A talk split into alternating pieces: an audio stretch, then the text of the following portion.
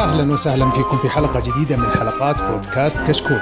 كشكول بودكاست حواري خفيف، بعيدا عن الرسميه يغطي أهم الأحداث الأسبوعية للأفلام والمسلسلات الأجنبية، الأنمي، ألعاب الفيديو games وكذلك الأخبار التقنية. واليوم حلقتنا حلقة أفلام رقم 223. خلونا نرحب بالشباب معنا، عبد الله عشوان حياك الله عبد الله. هلا وسهلا أبو باسل حياك. الله يسلمك إن شاء الله، ركان القرني حياك الله يا ركان. يا أهلا وسهلا عساك بخير كيف حالك؟ وضيفنا اليوم هو مو ضيف صاحب دار ومنتشي بهدف ريال مدريد بدر الناصر. حياك الله يا بدر. هلا هلا حياك الله. الله يخليك. وحيا الله الجمهور والمستمعين وكل الناس الحلوة. يا مرحبا شرفتنا والله. يعني آه. ترى بس على فكرة هذه نفسية الواحد لما يكون فريقه جالس يفوز بالدوري ويسجل أي. حلقة بودكاست في نفس الوقت. الله وبرشلونة مهزومين يعني اجتمعت كلها. جت من كل النواحي. طيب نحب نذكر المستمعين الكرام إن لنا حساب في Patreon اللي وده يدعمنا وبإذن الله يكون لها مزايا مستقبلية. وكذلك لا تنسون تشوفون فيديوهاتنا الجديدة اللي تنزل على قناتنا في اليوتيوب. أبو عمر والشباب شغالين حريقة هناك. آه اليوم راح نتكلم عن آه فيلمين. الفيلم الأول هو عبارة عن آه فيلم من التراث اسمه This is Boys Life. والفيلم اللي توه نازل على منصة Apple TV اللي هو Greyhound اللي من تمثيل توم هانكس. وراح نتكلم في البداية عن أخبار متفرقة وفي الأخير نشوف إذا في تعليقات المستمعين راح نتكلم عنها. فنبدأ مع الأخبار. عندك خبر يا عبد الله عن كلبل اللي ذبحتنا فيه؟ إيه طيب يقول لك كلبل بحكم الفترة الأخيرة أنه إنه طلع فيه أخبار واجد عن عن عن تكملة السلسلة وجزء ثالث للسلسلة. فاللي يذكر واحدة من الشخصيات الشريرة في الجزء الأول من اللي هي الشخصية اللي كانت تديها الممثله فيفيك كافوكس يعني هو المشكلة الخبر في جزء من ال... في جزء يعني الحرق للفيلم فأنا بحاول يعني أجيب بدون ما أحرق ولكن ال... ال... بحكم إنه الأخبار اللي طالعة عن الجزء الثالث إنه حيكون يعني حيتقدم من من ممثلين مختلفين. يعني هو نفس العالم ولكن القصة ما راح تكمل لأنه نعرف إنه القصة انتهت بعد الجزء الثاني. ف يعني فيكا فوكس كان كان لها في الفيلم الأول لها شخصية كان عندها شخصية يعني بنت طفلة. فيعني جالسة تتكلم وقالت إنه أنا بالنسبة لي يعني من من من أكثر الأشياء اللي أبغى أشوفها في في الجزء الثالث من فيلم Kill Bill إنه الشخصية هذه تديها ممثلة زي زندايا طبعا ما يعرف زندايا هي ممثلة يعني الفترة الأخيرة صار لها أعمال كثير يعني اللي تعتبر hits يعني زي مثلا سبايدر مان اللي هو حق مارفل. هي كانت شخصية MJ وبرضه مسلسل Euphoria في في HBO. فأنا صراحة يعني يعني لو لو كان فعلا القصة بنفس التخيل اللي اللي إحنا جالسين نتخيله إنه إنه تكون يعني عن عن طريق الشخصيات اللي تتكمل الشخصيه عن طريق الشخصيات الأطفال أو الصغار اللي كانوا في الفيلمين الأول والثاني. فاختيار زندية كأنها تكون ال villain. على فكرة ممكن شيء ما ذكرته إنه حتكون ال villain حق الفيلم صراحة أنا شيء مرة متحمس أبغى أشوف. الممثلة جدا تعجبني صراحة ومن الناس يعني الممثلين اللي صاعدين وأحسهم ما أدري ليش يعني ما ما أخذوا حقهم يعني ما أخذت حقها صراحة واجد يعني ما أدري أنا كنت أسمع يعني أسمع انتقادات واجد لها ك ك كأداء شخصية MJ مع إني أشوفه ممكن أحسن ما أدري يمكن أحسن أداء لشخصية MJ باستثناء اللي اللي كانت في أفلام توبي ماجواير هذيك نسيت اسمها يا أخي اللي كانت في فارغ كريستن أيوه بالضبط. هذيك حلوة أحسه على على على عالم سبايدر مان هذاك يعني عالم ما أدري أحس يعني comic ي أو وردي أكثر حتى من العالم حق مارفل. يعني بحكم إنه الشخصيه كانت جدا كذا تعرف اللي girly ومدري إيش. شخصية زندية تحسها واقعية أكثر في أفلام سبايدر مان آه بس عموما أنا شطحت كذا رحت المارفل بس آه ما في مشكلة. أصلا في أحد منكم متحمس متحمس الجزء الثالث من والله سبق تناقشنا سبق تناقشنا قبل فترة في كشكول أفلام حتى والله ما أذكر الحلقة أنا وخالد زرعوني في الموضوع هذا إن كوينتن تارانتينو عنده عدد أفلام محدد وكان نقاشنا حتى معك يا عبد الله. بالضبط. أيوه إن فيلم Kill Bill الأخير إنه يكون آخر أفلام كوينتن تارانتينو. قلنا لا ما ما يحتاج. حتى أبو عمر كان معارض لأن قصة Kill Bill انتهت مع الجزء الثاني ما راح تتطور. لكن راكان صراحة نبهني على حاجة. يقول إن Kill Bill واحد واثنين يعتبرون فيلم واحد بالنسبة لكوينتن تارانتينو. فإذا صلح الجزء الثالث وأعتبر الثلاثة انها فيلم واحد ما عندي مشكلة. لكن يخليه آخر فيلم له لا شوف إنه فيلم غيره. أتفق مع آه، طيب بس وش رأيكم في في اختيار زندية نفسها ك كأنها تكون ال... ال... ال villain يعني أو ال lead villain في والله. في في فيلم في ك... اسمها طالعة هالفترة زي ما قلت. أنا والله في كل معار مكان أنا معارض لفكرة الفيلم الأساس. أنا مش الشخصيه أنا معارض لفكرة الفيلم من الاساس إنه تصلح طيب، جزء ثالث. هيتر يعني ف, ف... لا بالعكس لا، لا، شوف الواحد معلش. واثنين ممتازة جدا لكنك ابو أبو باسل. تقعد تحلب لي في جزء ثالث ما هو عاجبني يعني. أبو باسل الفيلم كله عبارة عن. انتقام صح ولا لا؟ فحيجيبونها هي إنها تنتقم فحيطلع ممتاز. بس بس هو حط هو كم المشكلة اي هو هو المشكلة يا أخي مع كل الناس. لم- لما أتناقش لما أتناقش معاهم في كل بل إيه بيقول يا أخي إنه فكرة الفيلم اللي هي كل بل أصلا يعني انتهت مع الجزء الثاني وأقول اي ما عندي مشكلة بس إنه في تكمل القصة ممكن ممكن يكون تكمل العالم يا أخي مو شرط يكون نفس الاسم يعني زي لما مثلا ما إنه يعني ما أدري مثلا زي ما مثلا الناس اللي مطلعين على ما على على عالم مارفل إنه زي ما ما وش كان اسمه Avengers الثاني Age of Ultron. Age of Ultron يعتبر التكملة له هو كابتن أمريكا Civil War صح ولا لا؟ نعم صح إيه. اللي تكمل للاحداث على طول. فأسماء مختلفة. أنا أنا ما يهمني بالضبط وش حق الفيلم أو وش الشيء اللي يرمز له بما أنه يكمل ال... ال... القصة.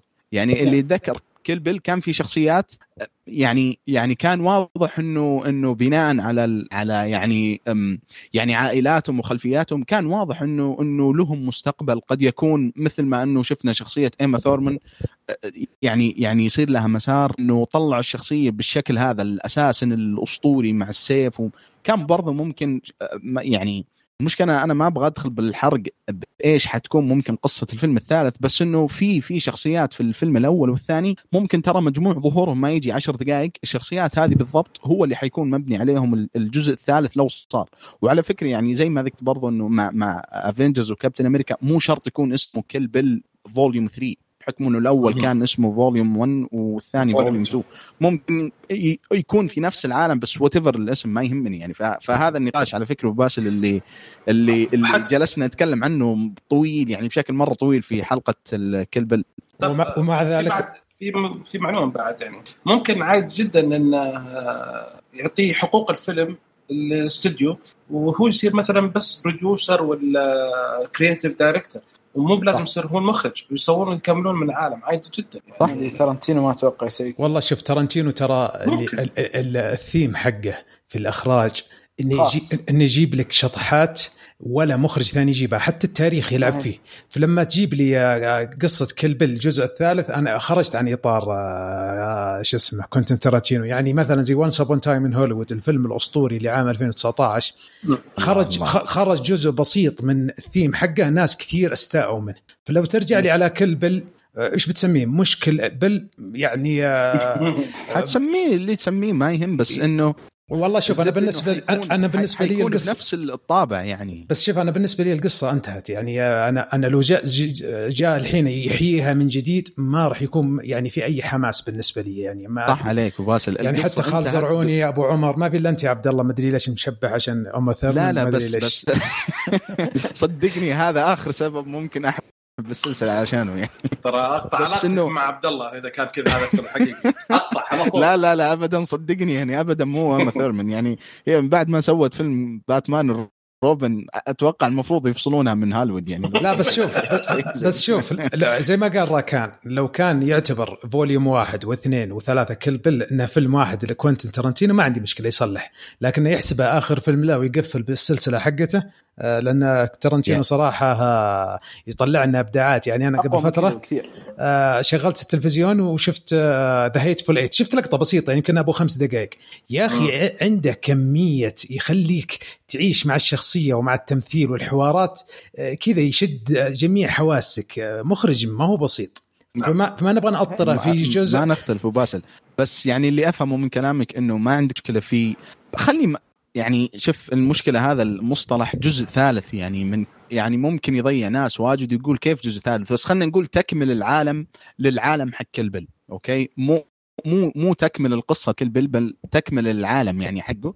يعني أنت ما عندك مشكلة مثلا إنه تشوف تكمل العالم هذا بس ما تبغاه مثلا يكون الفيلم الأخير والختامية لكوينتن ترنتينو صح؟ حلو تمام إيه ما عندي مشكلة في هذه. okay يعني أتفهم صراحة لأنه زي ما قلت مم- ممكن يعني كذا يشطح ويروح يسوي شيء غي- غير الأسلوب اللي تعودنا عليه. يعني إحنا مثلا في أفلام اللي قبل كلها تكون عن أحداث تاريخية ولا حروب ما أدري إيش لكن فعلا زي ما ذكرت في التحفة السنة اللي راحت Once Upon a Time كذا كانت ترى شطحة وعشان كذا الفيلم ما عجب ناس واجد يعني. وبالمناسبة بالمناسبة تبغون تصريح أسطوري؟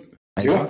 رجعت الحين أشوف أفلام 2019 4K The Irishman Ford versus Ferrari ال Joker Once Upon a Time نزلت 4K Parasite يجي من خمسة ووراء في خمسة أفلام قبله إذا هو يستحق الأوسكار. ما زلت عند تصريحي اللي قلته زمان إن Parasite ما يستاهل الأوسكار. نعم.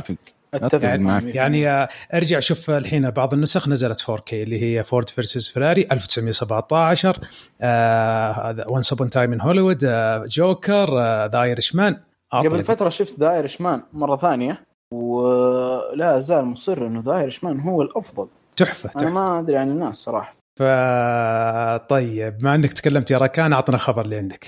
تستاهل. okay. آه، مؤلف فيلم Bird Box اللي هو جوش ماليرمان يقول إنه نتفليكس آه، قاعد الحين تقوم بتطوير آه، الجزء الثاني من Bird Box Bird Box 2 ولكن الحين المعلومات ما في معلومات أي ثانية عن الفيلم وكلها معلومات سرية. أنا ما شفت صراحة Bird Box 1 ولكن هل يستحق جزء ثاني أصلا؟ والله شوف بما أن عبد الله العشوان من أحد معجبين هذا الفيلم فهو يعطينا خبر هل متحمس ولا لا؟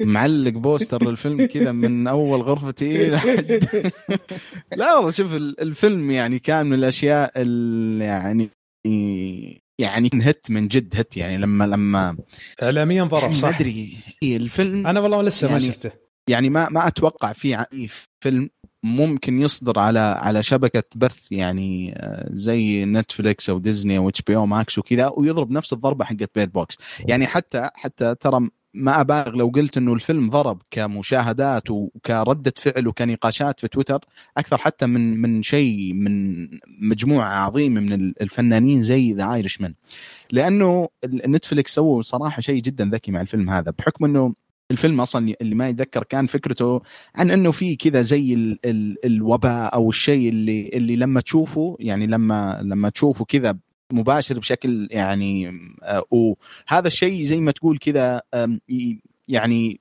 تفقد جزء من عقلك أو شيء زي كذا وعلى طول الواحد ينتحر في نفس اللحظة. تمام؟ آه لكن فكرة الفيلم كان إنه الناس يمشون وهم لابسين ربطة على عيونهم. فذيك الفترة مع انتشار ال memes ومدري إيش انتشر زي كذا زي اللي كان اسمه Bird Box challenge كذا الواحد زي السبك معليش يعني بس يمشي في بيتهم ولابس ربطة والعائلة تشوفهم لابسين وجالسين يتكلمون ويروح ويرجع للمطبخ. يا رجل. هذا الشيء ساعد ساعد الفيلم يعني جدا. يا رجل صاروا يسوونها وهم يسوقون. وصارت حوادث يعني وطلعوا الشرطة يقولون وقف وقف ولا تسوونها. إيش الغباء مو معقول. حتى حتى نت نتفليكس سووا شيء جدا ذكي زي ما ذكرت إنه كثير من ال celebrities كثير كثير جدا. يعني حتى بعضهم يعني صراحة ما يعني أتكرم والله إني أذكر أساميهم. يعني صراحة بس إنه كانوا كانوا كانوا يعني كذا يسوون publicity للفيلم بشكل غير مباشر. يعني تعرف زي لما المشاهير يروح المطعم بعدين يصور لك اللوحة كذا والله هذا شيء كان مرة رهيب بس ترى مو إعلان. لا يعني يعني يعني واضح. بس صراحة إيه؟ بس صراحة فهذا ساعد الفيلم ساعد, بس ساعد الفيلم بشكل مرة بس صراحة كنتفليكس أنا إذا عندي فيلم زي Bird Box وقصته تستحمل جزء ثاني وأطلع ال hit لاني اذكر إنه وصل الأرقام في أول تقريبا شهر حدود 27 مليون مشاهدة في نتفلكس. كان من أول الأفلام اللي ضربت. وزي ما قلت يا عبد الله دخلت hype لها عالي. فأكيد بيحلبون يصلحون منه جزء ثاني. اللي يسوقنا الكلام هذا برضه فيلم Quiet Place طبعا اللي فهمت أنا أنا شفت Quiet Place إنها أفضل من ناحية الجودة بشكل كبير لكن قريب من قصته يعني. قصة خيالية وغامضة وفيها إخراج وفيها رعب. فبرضه Quiet Place بيصلحون منه جزء ثاني. فبعض الشركات إذا لقيت فرصة آه، خاصة مع قلة جودة الكتابة في المسلسلات والأفلام صاروا يصلحون إعادة آه، أجزاء قد تكون للحلب فقط. طيب المشكلة أبو باسل انه إنه بس معليش أنت قلت كان القصة تحمل جزء ثاني. القصة والله العظيم ما تتحمل جزء واحد أصلا. أنا ما أدري كيف سووا الفيلم الأول. فأنا الله الله الله يعينهم صراحة كيف بيسوون الفيلم الثاني. وأنا أبغى أشوفه كذا من يعني من باب الفضول. ف اي ما أدري بدر أنت شفت الفيلم ولا؟ اي اي بس إنه صراحة زي ما قلت أنا إني الله يعطيهم العافية إنهم أصلا قدروا يحطون الجزء كامل كنت متوقع أكثر okay بس. يعني ما يستحمل جزء ثاني يعني. لا والله مستغرب. يلا هذا خبر. للي يحبون بيرد بوكس في جزء ثاني اللي ما يحبونه الله يعينكم. طيب آه، أعطنا خبر اللي عندك عن ديدبول يا بدر. okay حبيبي عند طال عمرك آه، إحنا عارفين إن آه، مارفل استوديو هي اللي تملك آه، حقوق وديزني اشترت آه، أساسا آه، اللي ما تملك حقوق مارفل ما تملك حقوق ديدبول ولا إكس مان بس ديزني اشترت آه، فوكس وهذول تابعين لها فيعني نوعا ما في احتمال كبير انه في كلام كبير إنه حيرجع آه، ديدبول واكس مان مع مارفل في العالم. وحتى الممثل راين رينولدز تكلم إنه تكلم مع مارفل وجالس ينسق معهم عشان تجهيز لفيلم ثالث. الحين الخبر اللي جانا إن المنتج أو ال creator للفيلم شو اسمه؟ ضيعت اسمه. صدق ضيعت اسمه؟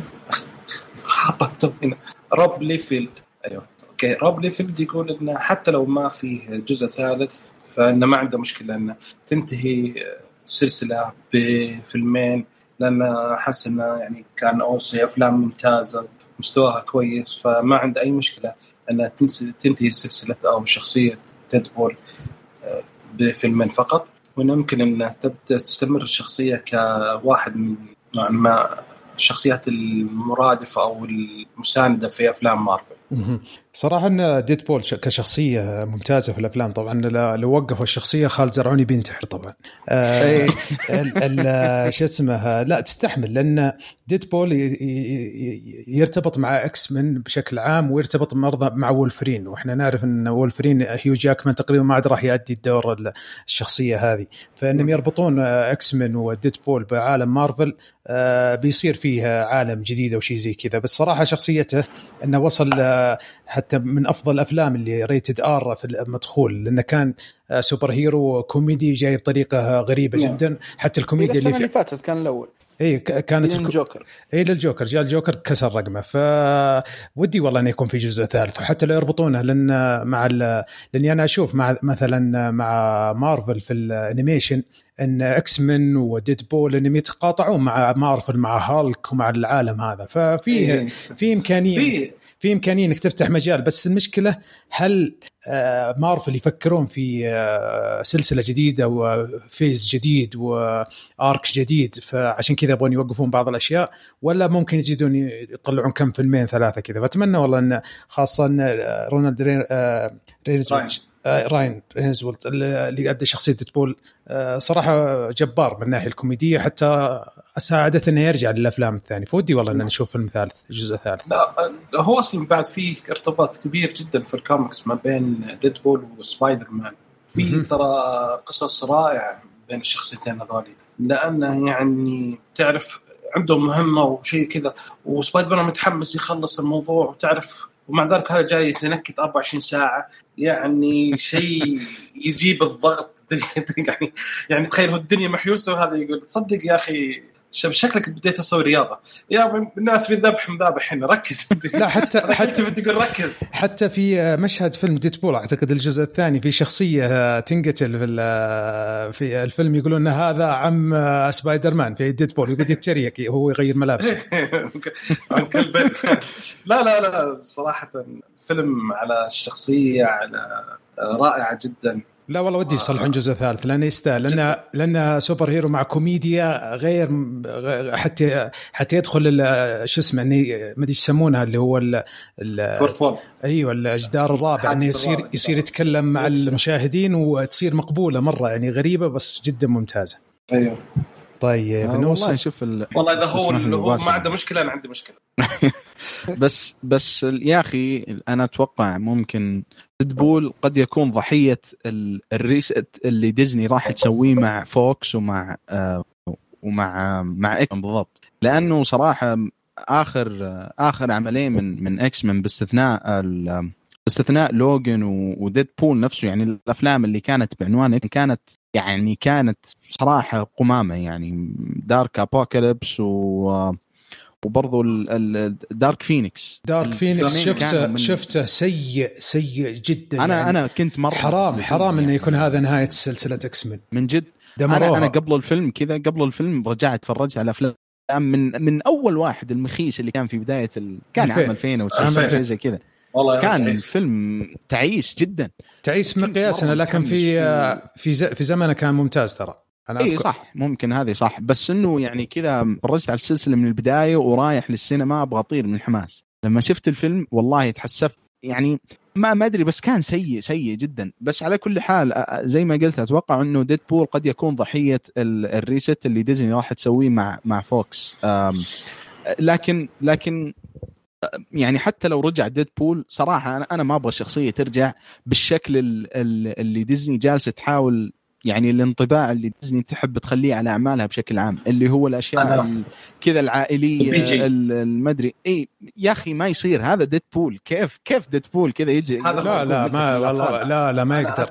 آه، لازم يكون R plus rated إي ترى. الفيلم الأول الفيلم الأول يعني من أوطى ما يعني جدا واطي صراحة. وه... وهذا كان ال- الشيء لا. اللي في اللي كم أتوقع في- ممكن في كم آه، طريقة قتل سواها الرجال؟ too much في والله ع- too much هو هو من فيه في في ألفاظ قوية كوميدية غير يعني وفي وفي عنف نعم وفي عنف. في حركة سواها بسيف قتل واحد بالسيف أقسم بالله جسمي كنت عارف اني حسيت بألم بجسمي أنا من صح،. صح. لا يا شيخ. في في دموية. ما جت ولا ثاني واحدة بس. يطول فيها. لا لا ثاني الله- واحدة بس أنت عارف إيش. سوى مصيبة. الله يستر يا أخي ديزني لا يخلونه كذا شيء لا لا إذا دخلوا 13 إذا ولا مرحلة. ال PG 13 راح الفيلم راح يكون سيء من الآن. لكن إذا خلوه على نفس ال style حق Deadpool عشان كذا. لأن لا style لحاله. اي لا هم يقولون حيصير يدخل زي ال- وش أتكلم يعني آه، شخصية تمر كذا بالفيلم. جزئية بسيطة يعني شخصية. ثانوية تقصد.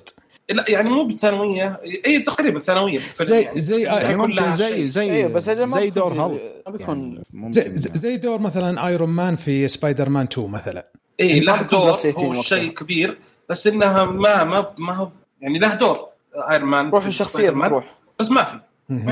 حلو حلو. طيب عاد عندكم أي تعليق على الخبر هذا ولا ننتقل الخبر اللي بعده؟ اللي بعد. طيب. آه نزلت Netflix قائمة بأفضل عشر أفلام أصلية تابع Netflix خل- خلال أسا... الأفضل مشاهدة خلال الأربع أسابيع الماضية. وكان في لستة صراحة غريبة وصلت أرقام ما هي بسيطة في Netflix يعني منزلين عشر أفلام أصلية في Netflix خلونا نتكلم عن اللستة ونجيب لكم الأرقام حقتها بشكل تقريبي. آه أول فيلم تقريبا آه، في اللستة آه، اللي خلال الشهر الماضي فيلم Extraction اللي شافوه تقريبا 99 مليون. والفيلم الثاني ساتر. والفيلم الثاني اللي وصلوا 89 مليون شخص شاهدوه اللي هو اللي يحبه عبد الله عشوان اللي هو Bird Box فيلمي ال- المفضل. والفيلم الثالث آه، Spenser Confidential ب 85 مليون شخص شاهدوه. أحد شاهد الفيلم هذا؟ أنا لا و- وهذا على فكرة بس تسمح لي باسم عشان كذا ما وصلت 99 أنا أنا آه حتى أنا ما شفته. يا أخي يا أخي أنا أنا حطيت الخبر هذا ليش؟ لأنه يعني كذا جالس أقرأ بعض الأعمال أقول وش ذا يا أخي؟ بعدين كذا اتفاجئ أشوف المشاهدات حقاته واصل 85 مليون. فصراحة هذا هذا يبين لك ال يعني ما أدري الم- الميزة أو بالنسبة لناس ثانيين ممكن تكون لا الشيء لا الخايس اسمع. في نتفليكس أنا أنا بقول أنا بقول الكلمة اللي على لسانك بس خليني أخلص اللستة. اللي هم متابعين. Netflix آه، الف... الفيلم. الفيلم الرابع اللي هو 6 Underground اللي حق ريني آه، نفس بطل Deadpool وصل 83 Deadpool 83 مليون مشاهد والفيلم أنا شفته.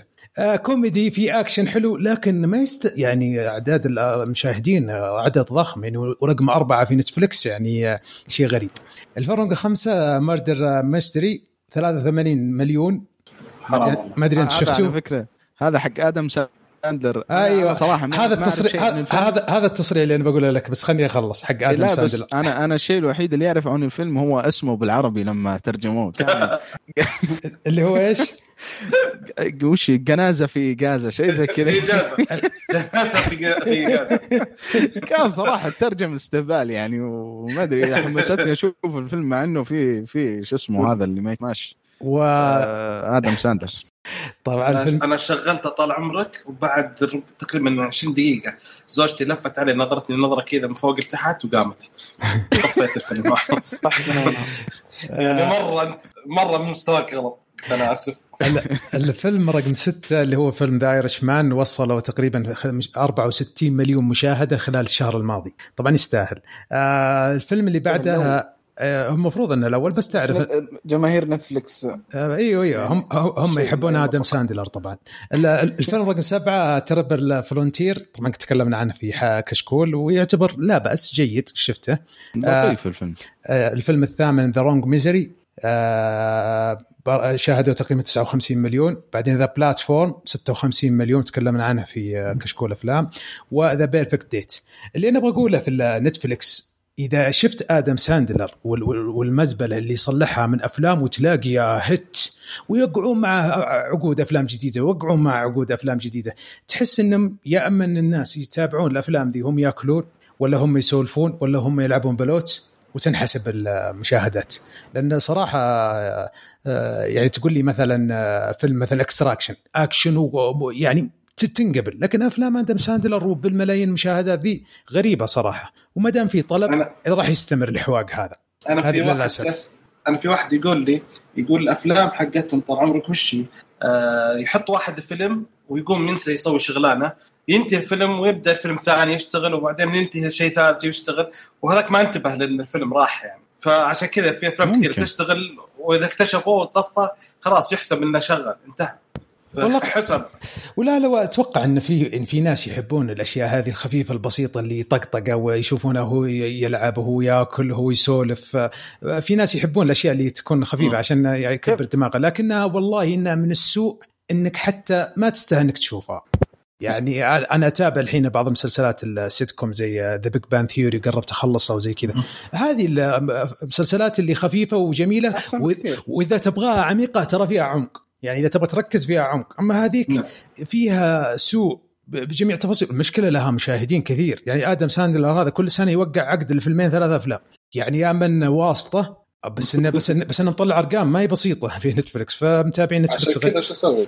ف... لا لا ارقام أرقام آدم ساندلر استهبال من Netflix يعني أنا أتذكر قبل ممكن سنة أو سنتين يعني حتى قبل ما ينزل ما أدري آخر فيلم أو فيلمين له كان يقول لك عدد الساعات المشاهد ال- الأعمال آدم ساندلر حوالي ما أدري كم 4 مليار ساعات شيء زي كذا ما أدري. الرقم يعني يعني كذا بس. وأنت تنطقه تحسه شيء ضخم جدا. بس يا أخي أنا أنا في منظور كذا، إيجابي هذا لي. اللي يحبونه. إي بالضبط. حتى ترى يعني مو مو, الأمريكيين يعني. بس. بس أنا ممكن عندي عندي يعني نظرة إيجابية للخبر إنه يا أخي لما تشوف السلسلة مثلا من أو القائمة هذه يعني لما تشوف أعمال مثلا زي Extraction أنتم بالنسبة لكم كان الفيلم يعني حلو. من ناحية اكشن ممتاز. من ناحية اكشن ممتاز. إي مثلا أو خلينا نتفق يعني أنا ممكن أختلف معاكم في الفيلم هذا بس يعني أساس إنه أبغى يعني إنه إنه النقطة هذه تساعد في النقاش. عمل زي Extraction Triple Frontier The Platform The Irishman هذه تقريبا خمسة أو أربع أعمال يعني تقريبا نصف القائمة. الأعمال هذه الانطباع العام عنها إنها ممتازة. نعم. تمام؟ فهذا صراحة الشيء الجميل بالنسبة لي في نتفلكس مع إنه يا أخي الفترة اللي راحت مع كلام واجد عنهم وما أدري إيش ونتفلكس والذائقة السيئة يا أخي بالعكس الشيء اللي قاعد تقدمه نتفلكس ما في أحد يعني في ما في أحد في, خدمات ال... اي بالضبط. حدك المر؟ اللي مر منه. بس إنه ليش لا يا أخي؟ إنه في ناس ترى مو شرط لما يجي يتفرج على فيلم يبغى شيء زي The Irishman ثلاث ساعات ونص مدري كم كذا وينحبس ولا يعني زي ما قال بوباس إنه ترى في ناس كذا يشغل فيلم ومسلسل وفي يده وماسك في يده يد البلاي ستيشن ولا يشغل مسلسل وفيلم جالس ويحل نعم. واجب ولا. والله من جد. فهذا آه. شيء صراحة اللي نتفلكس قاعد تقدمه يعني اختلاف الأذواق للناس وقاعدين يرضون جميع الناس. يعني أنا الآن ذكرت لكم خمس أعمال أغلبنا نتفق عليها الخمس الباقي أغلبنا يختلف عليه. ف- فهذا صراحة عظمة نتفلكس بالنسبة لي نعم. يعني مع مع إنه في بعض أعمالهم تكون قمامية مثلا زي أعمال آدم ساندلر بس إنه أتفهم ليش الناس يشوفونها وأنا مبسوط انهم مبسوطين عليها يعني حتى حتى صراحة يعني أستغرب أحيانا لما أشوف عمل جديد لآدم ساندلر كذا طالع لي في في القائمة في, في أو مو في القائمة يعني كذا في الوجه في نتفلكس مقترحات. بس لا إي بس إنه لما أشوف المشاهدات وأشوف الناس مبسوطين على العفن حقه يا أخي خليهم مبسوطين وش المشكلة لا يعني. شوف أبوي معناته أنت في ناس حيزعلون منك بس مو مشكلة. بس لنا اختلاف لولا اختلاف الأذواق لبارت السلع. يعني عندك مثلا البرامج ال- الوثائقية. في أشياء رائعة جدا وفي شيء أي كلام وفي شيء روعة وفي وفي اختلاف اختلاف الأذواق في عن الرياضة في عن الأكل في عن المباني. في برنامج اكتشفت جديد عن المباني والبيوت الغريبة وزي كذا وشيء. يعني في شيء حتلقى كل واحد حيدخل حيلقى شيء 100% 50% 80% في شيء. فهذه ميزة حلوة. يعني تدخل ما تلقى إلا ثلاث أربع أشياء حتى لو هي إنها ممتازة 100% بس في النهاية هي أربع أشياء. يعني شفتها خلص. بعدين توقف.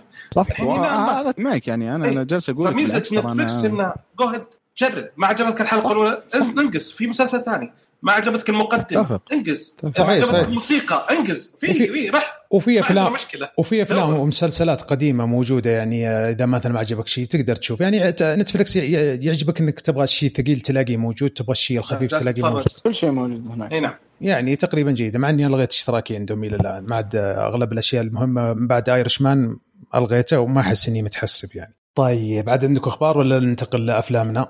آه، بس في في شغلة ممكن بدر قال الأشياء ال- الوثائقية اللي عند نتفلكس أنا صراحة ماني ماني مرة يعني مع الاشياء الوثائقيه بس اليومين جالس أشوف Making a Murderer وما مهم. أدري إذا في أحد منكم شاف ال- ال- الشيء هذا لا لا والله ما شفت. يعني.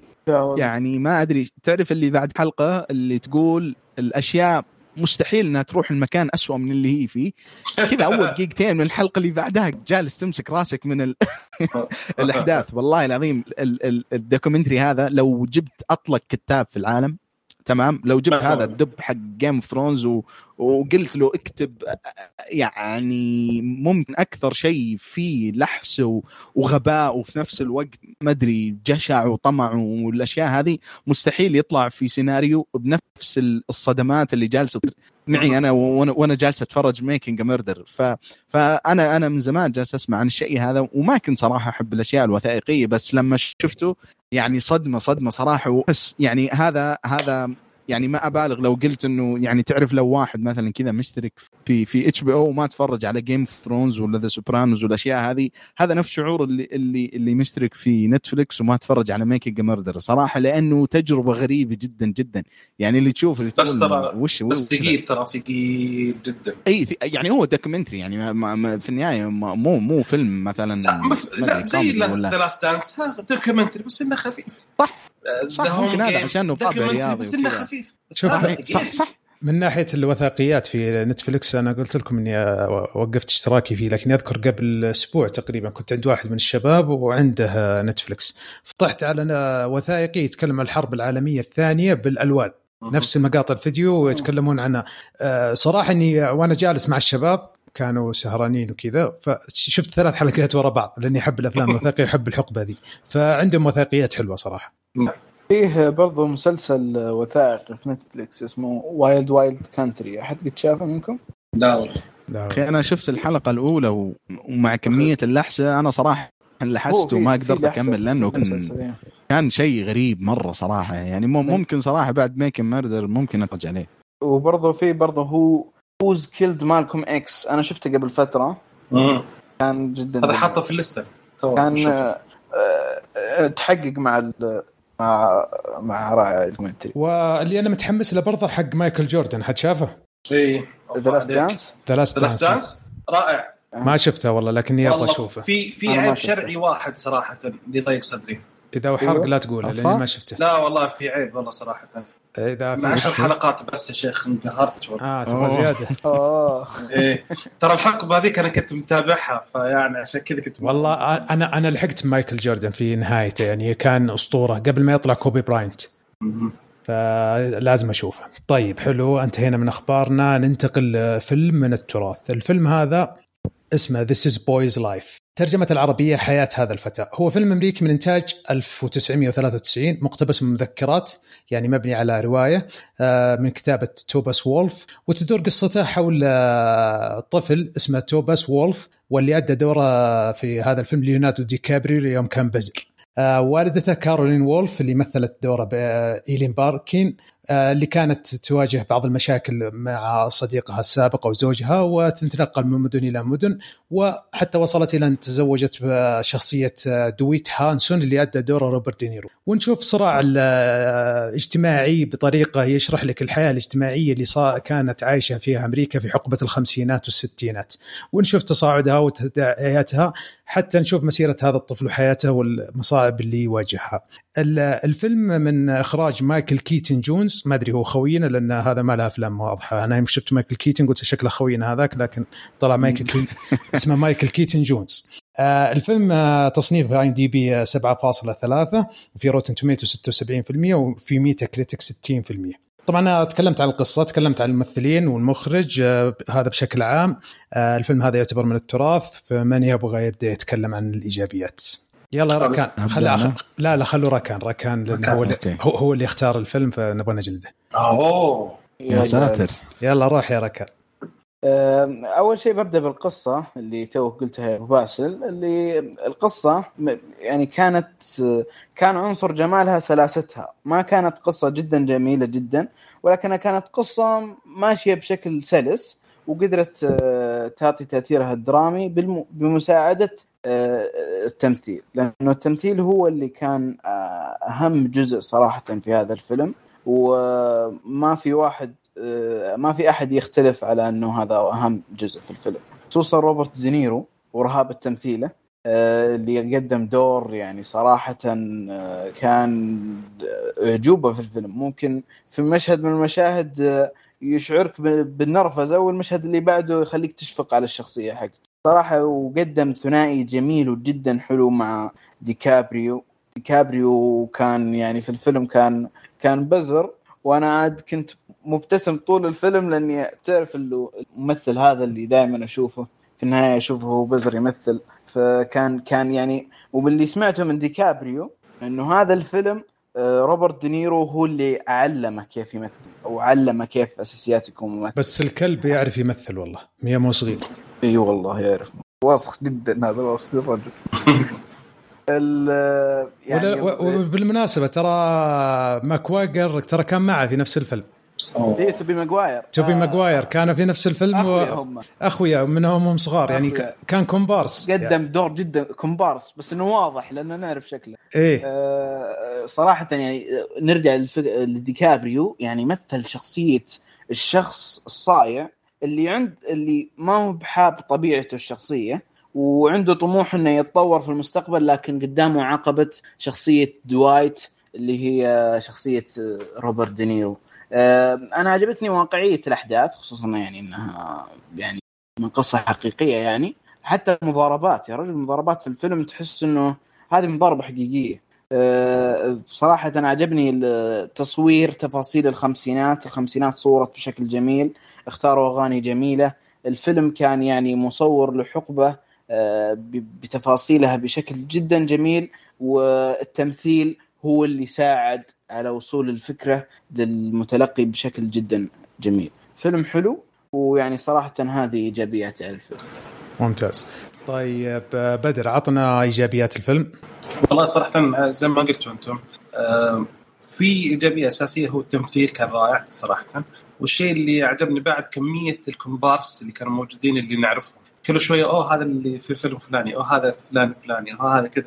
فكان مرة حلو صراحة. نص الممثلين تفاجأت فيهم هم صغار. فهذه كانت متعه يعني متعة إضافية بسيطة بالفيلم. لأن الفيلم له 17 سنة يوم نزل يعتبر يعتبر من التراث يعني. إي فيعني صراحة شوف كمية الشخصيات اللي صاروا ممثلين اللي كانوا كلهم كومبارس في الادوار الصغيره فيعني كانت مرة حلوة. يعني الواحد يشوف ال... لما تيجي تشوف فيلم قديم شوية تكتشف أوه فلان هذا كان يمثل في الفيلم ذا. يعني في لحظة الفيلم لما شفته أول أو في وقتها يمكن ما خلاص يعني ككومبارس ما تهتم فيه. فأنا أحب أشوف زي كذا أفلام عشان أشوف كيف تطور الممثلين نفسهم. حلو حلو. طيب عبد الله عشوان اعطنا إيجابيات. أول شيء أنت قلت الفيلم له 17 سنة وهو 27 سنة. 27 سنة صح صح معلش 27 سنة. آه بس ما فرقت 10 سنوات. اخويا إحنا ما في مشكلة.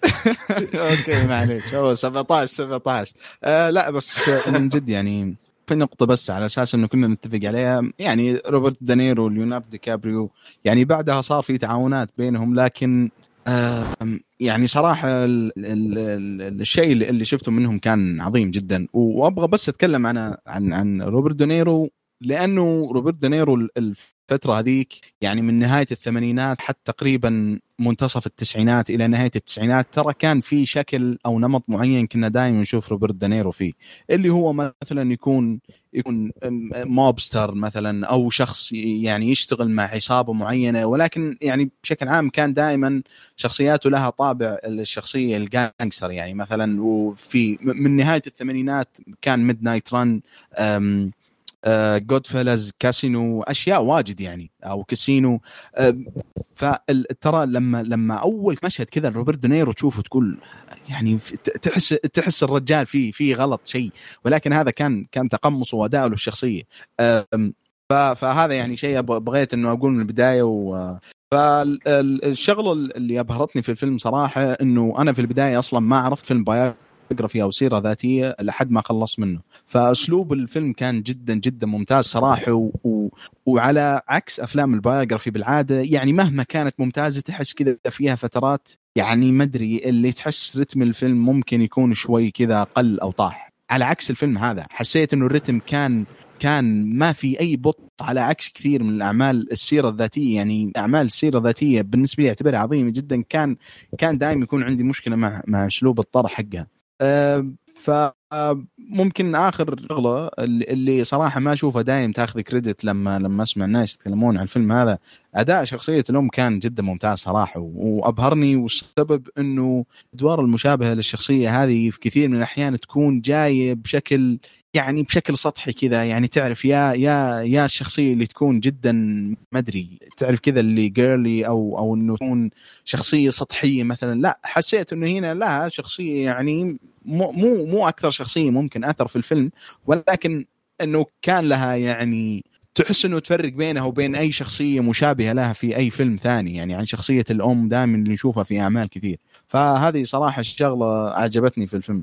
آه، في النهاية يعني آه، الفيلم من توسية تركان وأنا أشكره صراحة كانت تجربة جدا جميلة وبالنسبة لي هذا الفيلم كان من من من ال ال يعني أجمل الأشياء اللي شفتها يعني ما بين الفترتين الحلقة هذه والفترة اللي سجلناها الحلقة اللي راحت فالتجربة كانت جدا جدا ممتازة صراحة جدا ممتازة حلو حلو حد عنده إضافة ولا أنا أبدأ؟ تفضل تفضل ابدأ طيب. الله يستر منك ابدأ الله يستر. لا شوف الفيلم آه طبعا أي فيلم يرتكز على بعض الأساسيات اللي هي القصة سيناريو إخراج أداء تمثيلي موسيقى مثلا cinematographer زي كذا. الفيلم هذا من ناحية إيجابيات فيه الأداء التمثيلي جبار جبار سواء من آه، روبرت دينيرو من ليوناردو دي كابريو أو حتى أم الولد. أدائهم جدا ممتاز وواقعي وبسيط جدا. يعني تحس إنه يعني اللي يقرأ التاريخ الأمريكي واللي يعرف تفاصيلهم تراهم الحقبة الزمنية ذيك آه، مع الأداء التمثيلي شرحوها بطريقة مرة مرة ممتازة.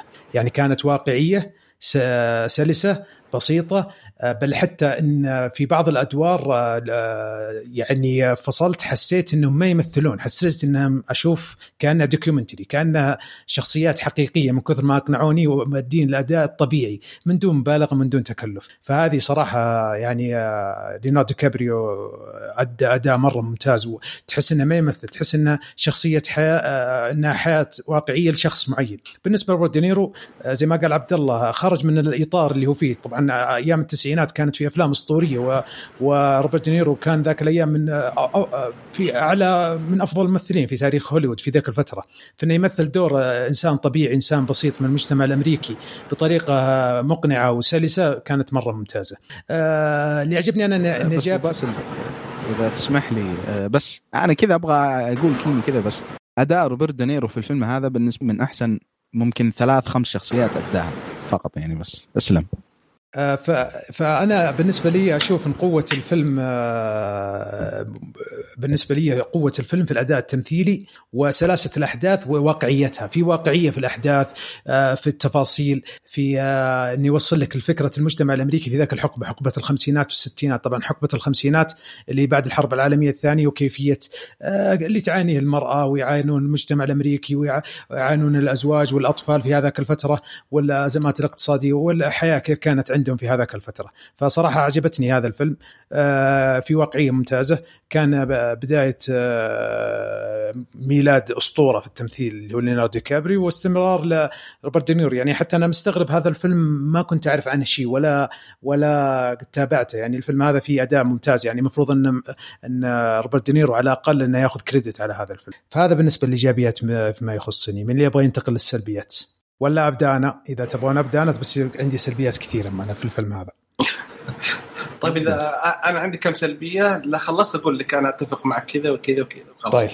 شوف زي ما قلت أنا في الأفلام تعتمد على قصة وسيناريو إخراج أداء تمثيلي وموسيقى وسينماتوجرافر الفيلم هذا ممتاز زي ما قلت من ناحية الأداء التمثيلي والسرد الأحداث والواقعية فيه. لكن لما نتكلم عن قصة الفيلم تراها biography biography عن شخصية حقيقية. ال biography هذا ضعيف جدا وعن شخصية غير مهمة. بالنسبة لي أنا شخصيا وهذا رأي شخصي. الشخص هذا ما هو؟ فنجي على موضوع السلبيات. القصة أنا بالنسبة لي ضعيفة. لأنها تتكلم ك biography عن شخصية حقيقية. الشخصية الحقيقية هذه ما ما ما تعاطفت معها أو ولا حسيت بقيمتها الاجتماعية والمعنوية يعني. لما نشوف أفلام ال biography الفيلم هذا ضعيف من الناحية هذه سواء كقصة حقيقية أو سرد الأحداث.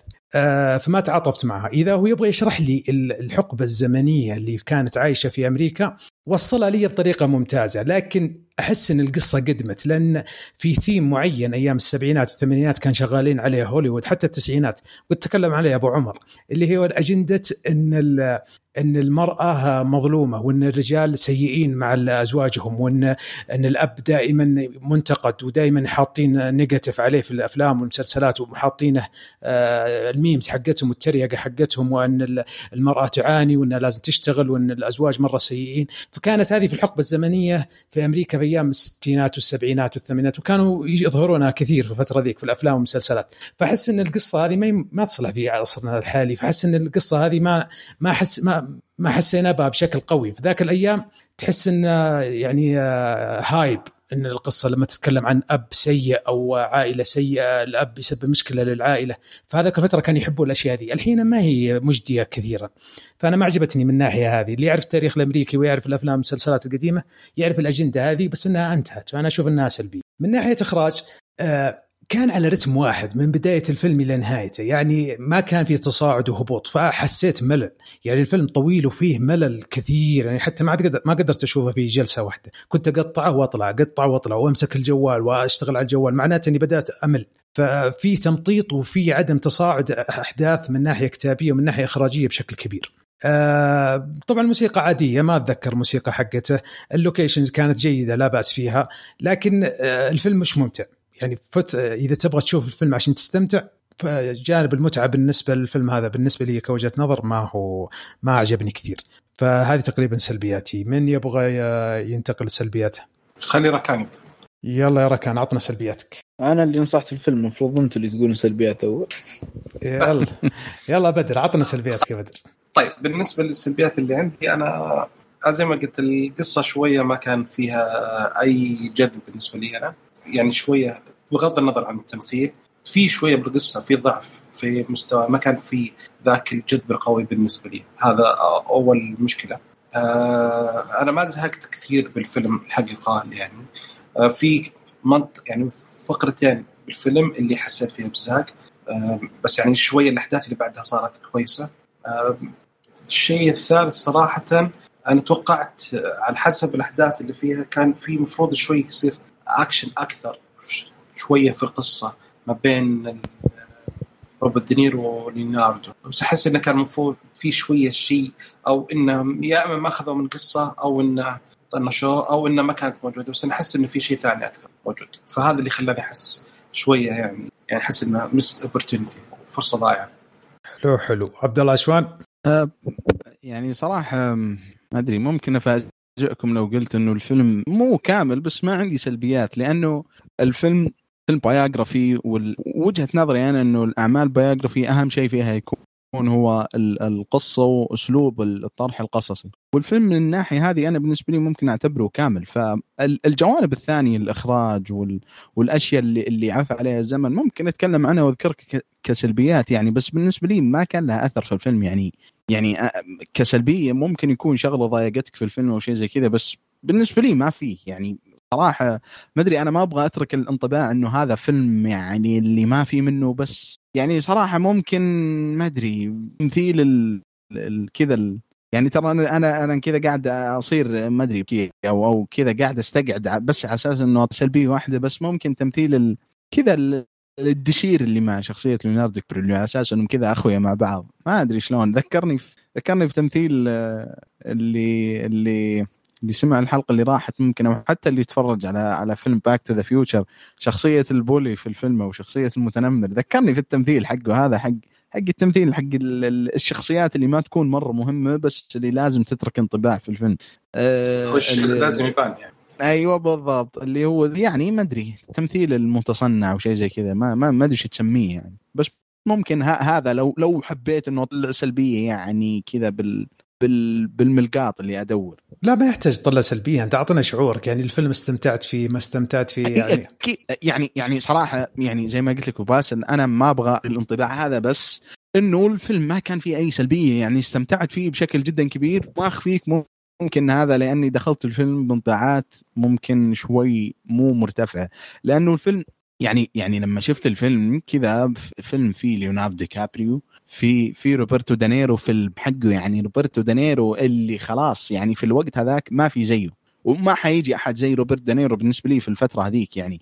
فما كنت سامع كثير عن الفيلم فدخلت بانطباعات مو عالية مرة وفاجأني الفيلم صراحة يعني. يعني كان كان تجربة جدا جدا جميلة صراحة و... و... والسلبيات ممكن معدومة باستثناء الشغلتين البسيطة اللي قلتها والشغلة الواحدة هذه. وشخصية معليش بس نسيتها شخصية ال... يعني أنا ما أدري كيف أوصف الشخصية بدون ما أقول شيء ينقطع أو شيء زي كذا بس الشخصية هذيك الصديق الصديق ليوناردو كابريو اللي طلع في كم مشهد. هذا برضو تمثيله منتهي هذا فما أدري إذا عرفتوا مين الشخصية اللي أقصد اللي, عرفت اللي عرفت. ضارب معه لما كانوا صغار. اي إيه. اي ف... يعني ممكن هذا بعرضه يعني اللي ما كان مرة. طيب آه، ركان أعطنا وجهة نظرك. آه، السلبيات اللي عندي بسيطة جدا وأهم سلبية أو يعني أكبر سلبية عندي عن الفيلم اللي هو في ركود الأحداث في بعض مناطق الفيلم. يعني بعض المناطق في الفيلم كانت فيها الأحداث راكدة. وما تمشي بشكل آه، كويس ما أدى لبعض الملل. بس وبرضه الشخصية اللي قالها عبد الله برضه من السلبيات. وبس هذه السلبيات اللي عندي شوف آه، أنا بالنسبة لي جوهر الفيلم وقوته في الاداء التمثيلي سواء من ليوناردو دي كابريو ولا من آه، روبرت دينيرو ولا حتى أم ليوناردو دي كابريو هذا الأداء التمثيلي هو اللي أسطوري في الفيلم يعني مرة قوي حتى. آه، روبرت دينيرو حسسني إنه ما يمثل إنه كان يؤدي دور دور حياته الواقعية لكن الفيلم زي ما قلت لكم في سلبيات اللي قلتها. كل شيء غير هذا اللي قلته أحسه ضعيف يعني آه، لا ش... لا قصة تتعاطف معها لا شخصيات تتعاطف معاهم باستثناء الاثنين ذولا. آه، حتى بعض الأحيان في تمطيط وتكرار تمطيط وتكرار تمطيط وتكرار. يعني ما في شيء أحداث تصاعد وتنازل. لأن هو biography ما يقدر يكذبون في القصة. لكن ممكن تجيبها بطريقة ممتازة أو تقصر في مدة الفيلم. يعني حسيت إن فيه تقريبا يمكن نص ساعة في الفيلم لو راحت ما منها فائده في biography سوت أحداث مهم ب... يعني ما جت أو صغير أشياء صغيرة ما يعني لو إنهم كتبوا قصة آه، نفس القصة بس ما هي قصة حقيقية ولعبوا في الأحداث بشيء بسيط يخلون فيها حماس شيء بسيط بيطلع الفيلم مرة ممتاز. لكنه كان رتمه وطول الفيلم مع كذا غير ممتع وممل. يعني يعني ممكن حتى القصة اللي في ال background اللي هو إن المرأة تعاني وإن الآباء سيئين ومدري شو آه هذه كانت لها أجندة في فترتها لكن وكانوا الناس يحبونها الحين ما لها أي دور يعني فصراحه الفيلم هذا يعني مبسوط منه في أشياء آه، زي التمثيل والواقعيه اللي فيه لكن الأشياء الثانية صراحة ما استمتعت فيها. أحد عنده إضافة في السلبيات ولا ننتقل لأسئلتنا المعتادة؟ انتقل طيب هل الفيلم هذا في تعري أو مشاهد خليعة أو ألفاظ نابيه؟ الفيلم R rated إيه يعني الفيلم إيه. في فيه في بعض المشاهد هي قليلة ولكن في بعض المشاهد وفي بعض الرسائل الكبيرة شوي يعني ما تصلح للأطفال أو صغار السن. صحيح طيب هل الفيلم ينفع للمشاهده الجماعية؟ أنا أنا- شفته في مشاهده جماعيه المرة الثانية أبو جوكم أنا أشوف إنهم لا والله شوف أنا عجبني الفيلم بس من جد يعني المشاهدة الجماعية ما أدري أحسه ما ينفع يعني هو كذا فيلم هو ما أدري لو يعني- لو شفت لحالك تحس إنه فعلا ما ينفع لكن أنا شفته وشفت إنه تقبلوا كل اللي كانوا. طيب آه، ممكن صراحة بس بس لا أنا أنا أشوف يعني هذا من الأشياء اللي اللي أوصي عليه إن الواحد يشوفه لحاله يعني. وأنا ما أدري ركان يعني من جد جو غريب صراحة وتحياتي لكم يعني لا هذا عشان الثانية طويل. بس إي أوكي أوكي أوكي. أها. بس بس لا من جد والله تحيتي إذا إذا من بعض مع بعض تشوفون الفيلم هذا واضح ناس مرة رايقين يعني. لا تلطف ذا إلا جو غريب. المهم آه طيب آه نجي على سؤالنا الأخير. هل تنصحون في الفيلم؟ من اللي ما ينصح واللي ينصح. أنا أنصح وبشدة. ممتاز. راكان؟ أنصح. آه، بدر؟ أنا لا أنصح. والله أنا لا أنصح. يعني أوفا. الفيلم الفيلم جيد لكن مليت ما هو ممتع بالنسبة لي فالفيلم بالنسبة لي أقول لا أنصح. إذا على مقياس كشكول اثنين من أربعة. إذا عجبكم أنا لأن في مشكلة صراحة. إني قعدت أنا أركز على الكومبارس أكثر من أركز على القصة. فيعني صراحة too much بس بس على طاري الكومبارس ملاحظين شكل ماجواير لحد اليوم ما تغير وجهه يعني. أيوه يا أخي ما تغير وجهه. من جد يا أخي استهبال الآدمي. يعني الفيلم من 27 20 سنة والله نفس الوجه يا نفس رجال الوجه اللي في يا رجال يوم نفس الوجه يوم اللي, اللي الآن. يوم مثل ثلاثية سبايدر مان ترى صغير في السن في القصة في ال comic وضابطها مع إنه كاهل كبير في العمر. ما هو باين نعم. عليه الكبر. كان في آخر العشرينات وهو المفروض يمثل 18 17 18 إنه مراهق. فإذا عجبكم الفيلم فهو كان اللي اختاره وإذا ما عجبكم فهو كان برضه يعني تفهموا معي يعني هذا المستمعين الكرام.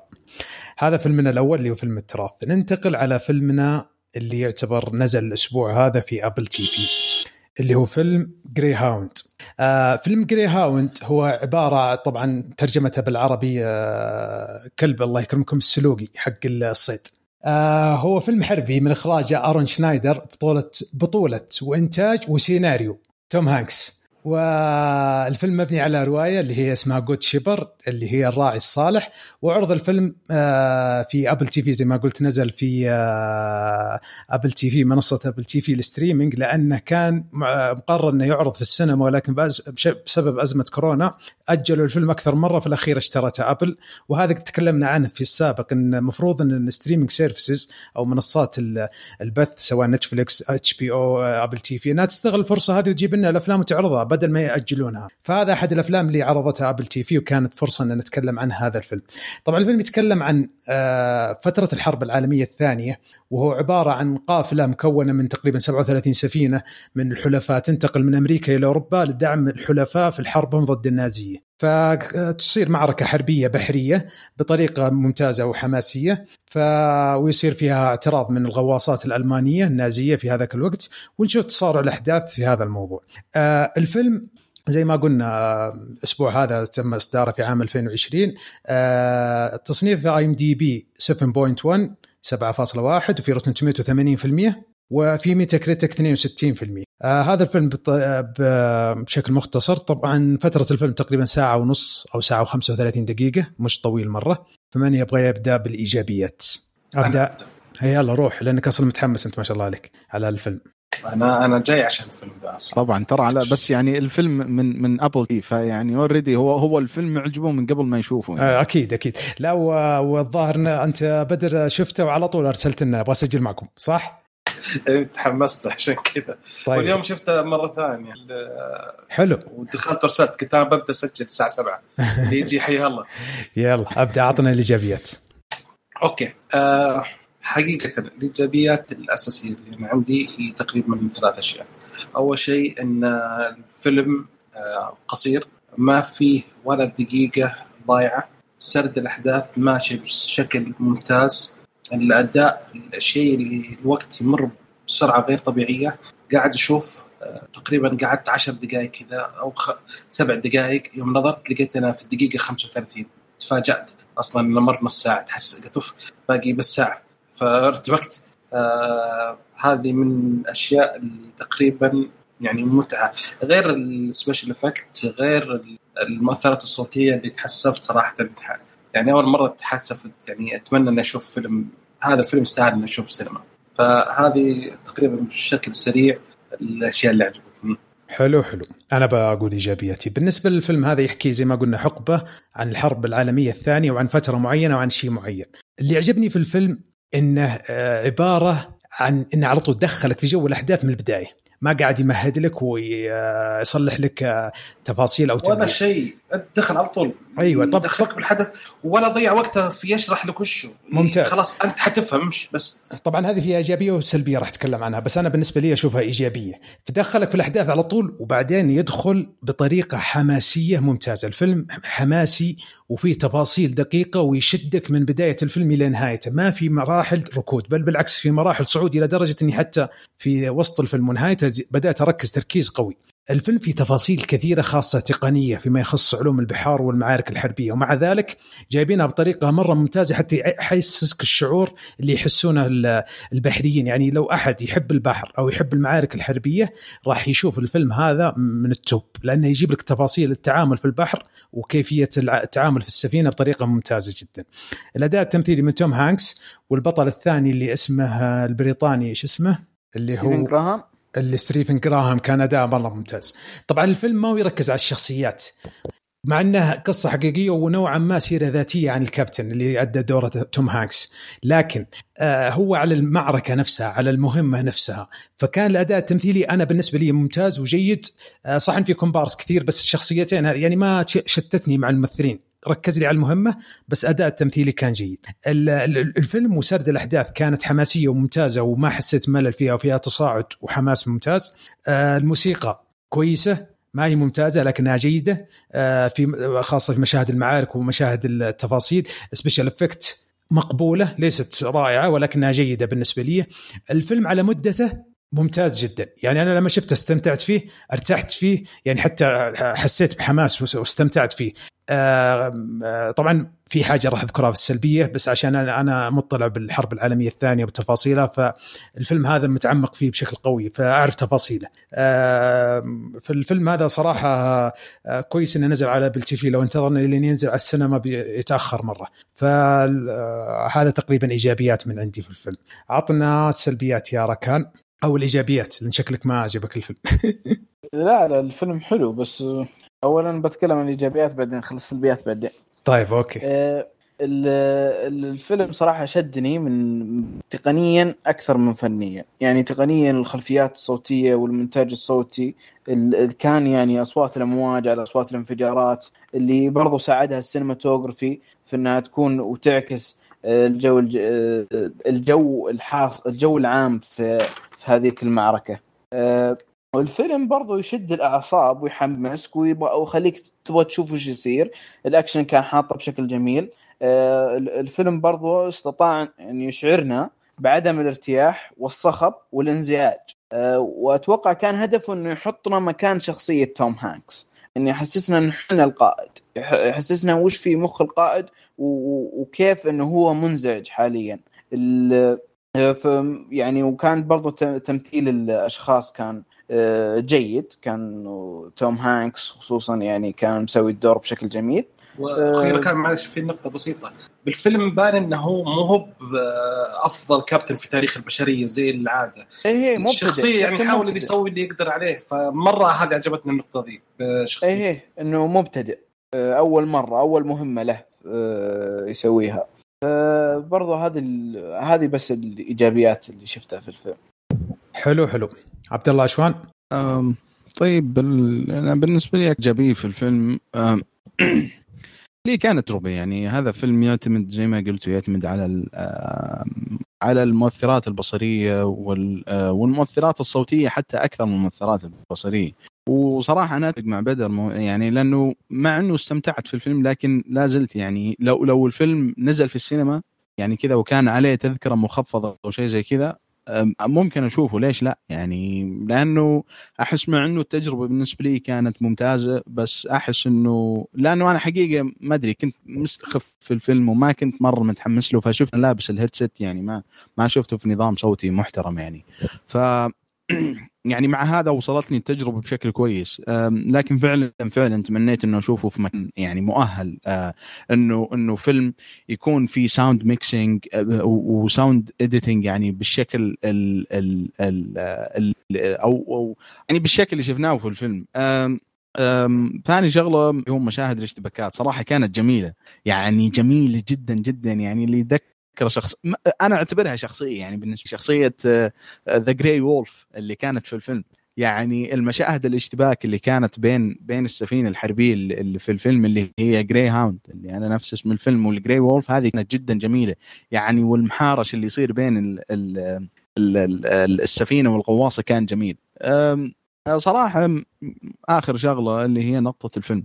أنا ما أدري حقيقة أذكرها في الإيجابيات ولا السلبيات لأنه فعلا يعني أنا أخذت التجربه من الفيلم يعني كذا وبعدها يعني الفيلم خلص. جالس أشوف باقي 14 دقيقة في الفيلم في 14 دقيقه credits يعني. هو already أصلا أصلا الفيلم أصلا already هو ساعة ونص مدري ساعة و... ساعة و40 فاللي اللي صافي من الفيلم كله ساعة وثلث تقريبا أو ساعة وربع. فهذا الشيء صراحة أنا أشوف إنه ميزة صراحة. الله يجزاهم خير. اي ممكن والله أنا يعني شوف أنا حطيته في الإيجابيات لأنه كنت من جد محتار. لأنه يا أخي الأفلام هذه في العادة اللي تلقاها يجلس يبني لك في الشخصية وما أدري إيش و...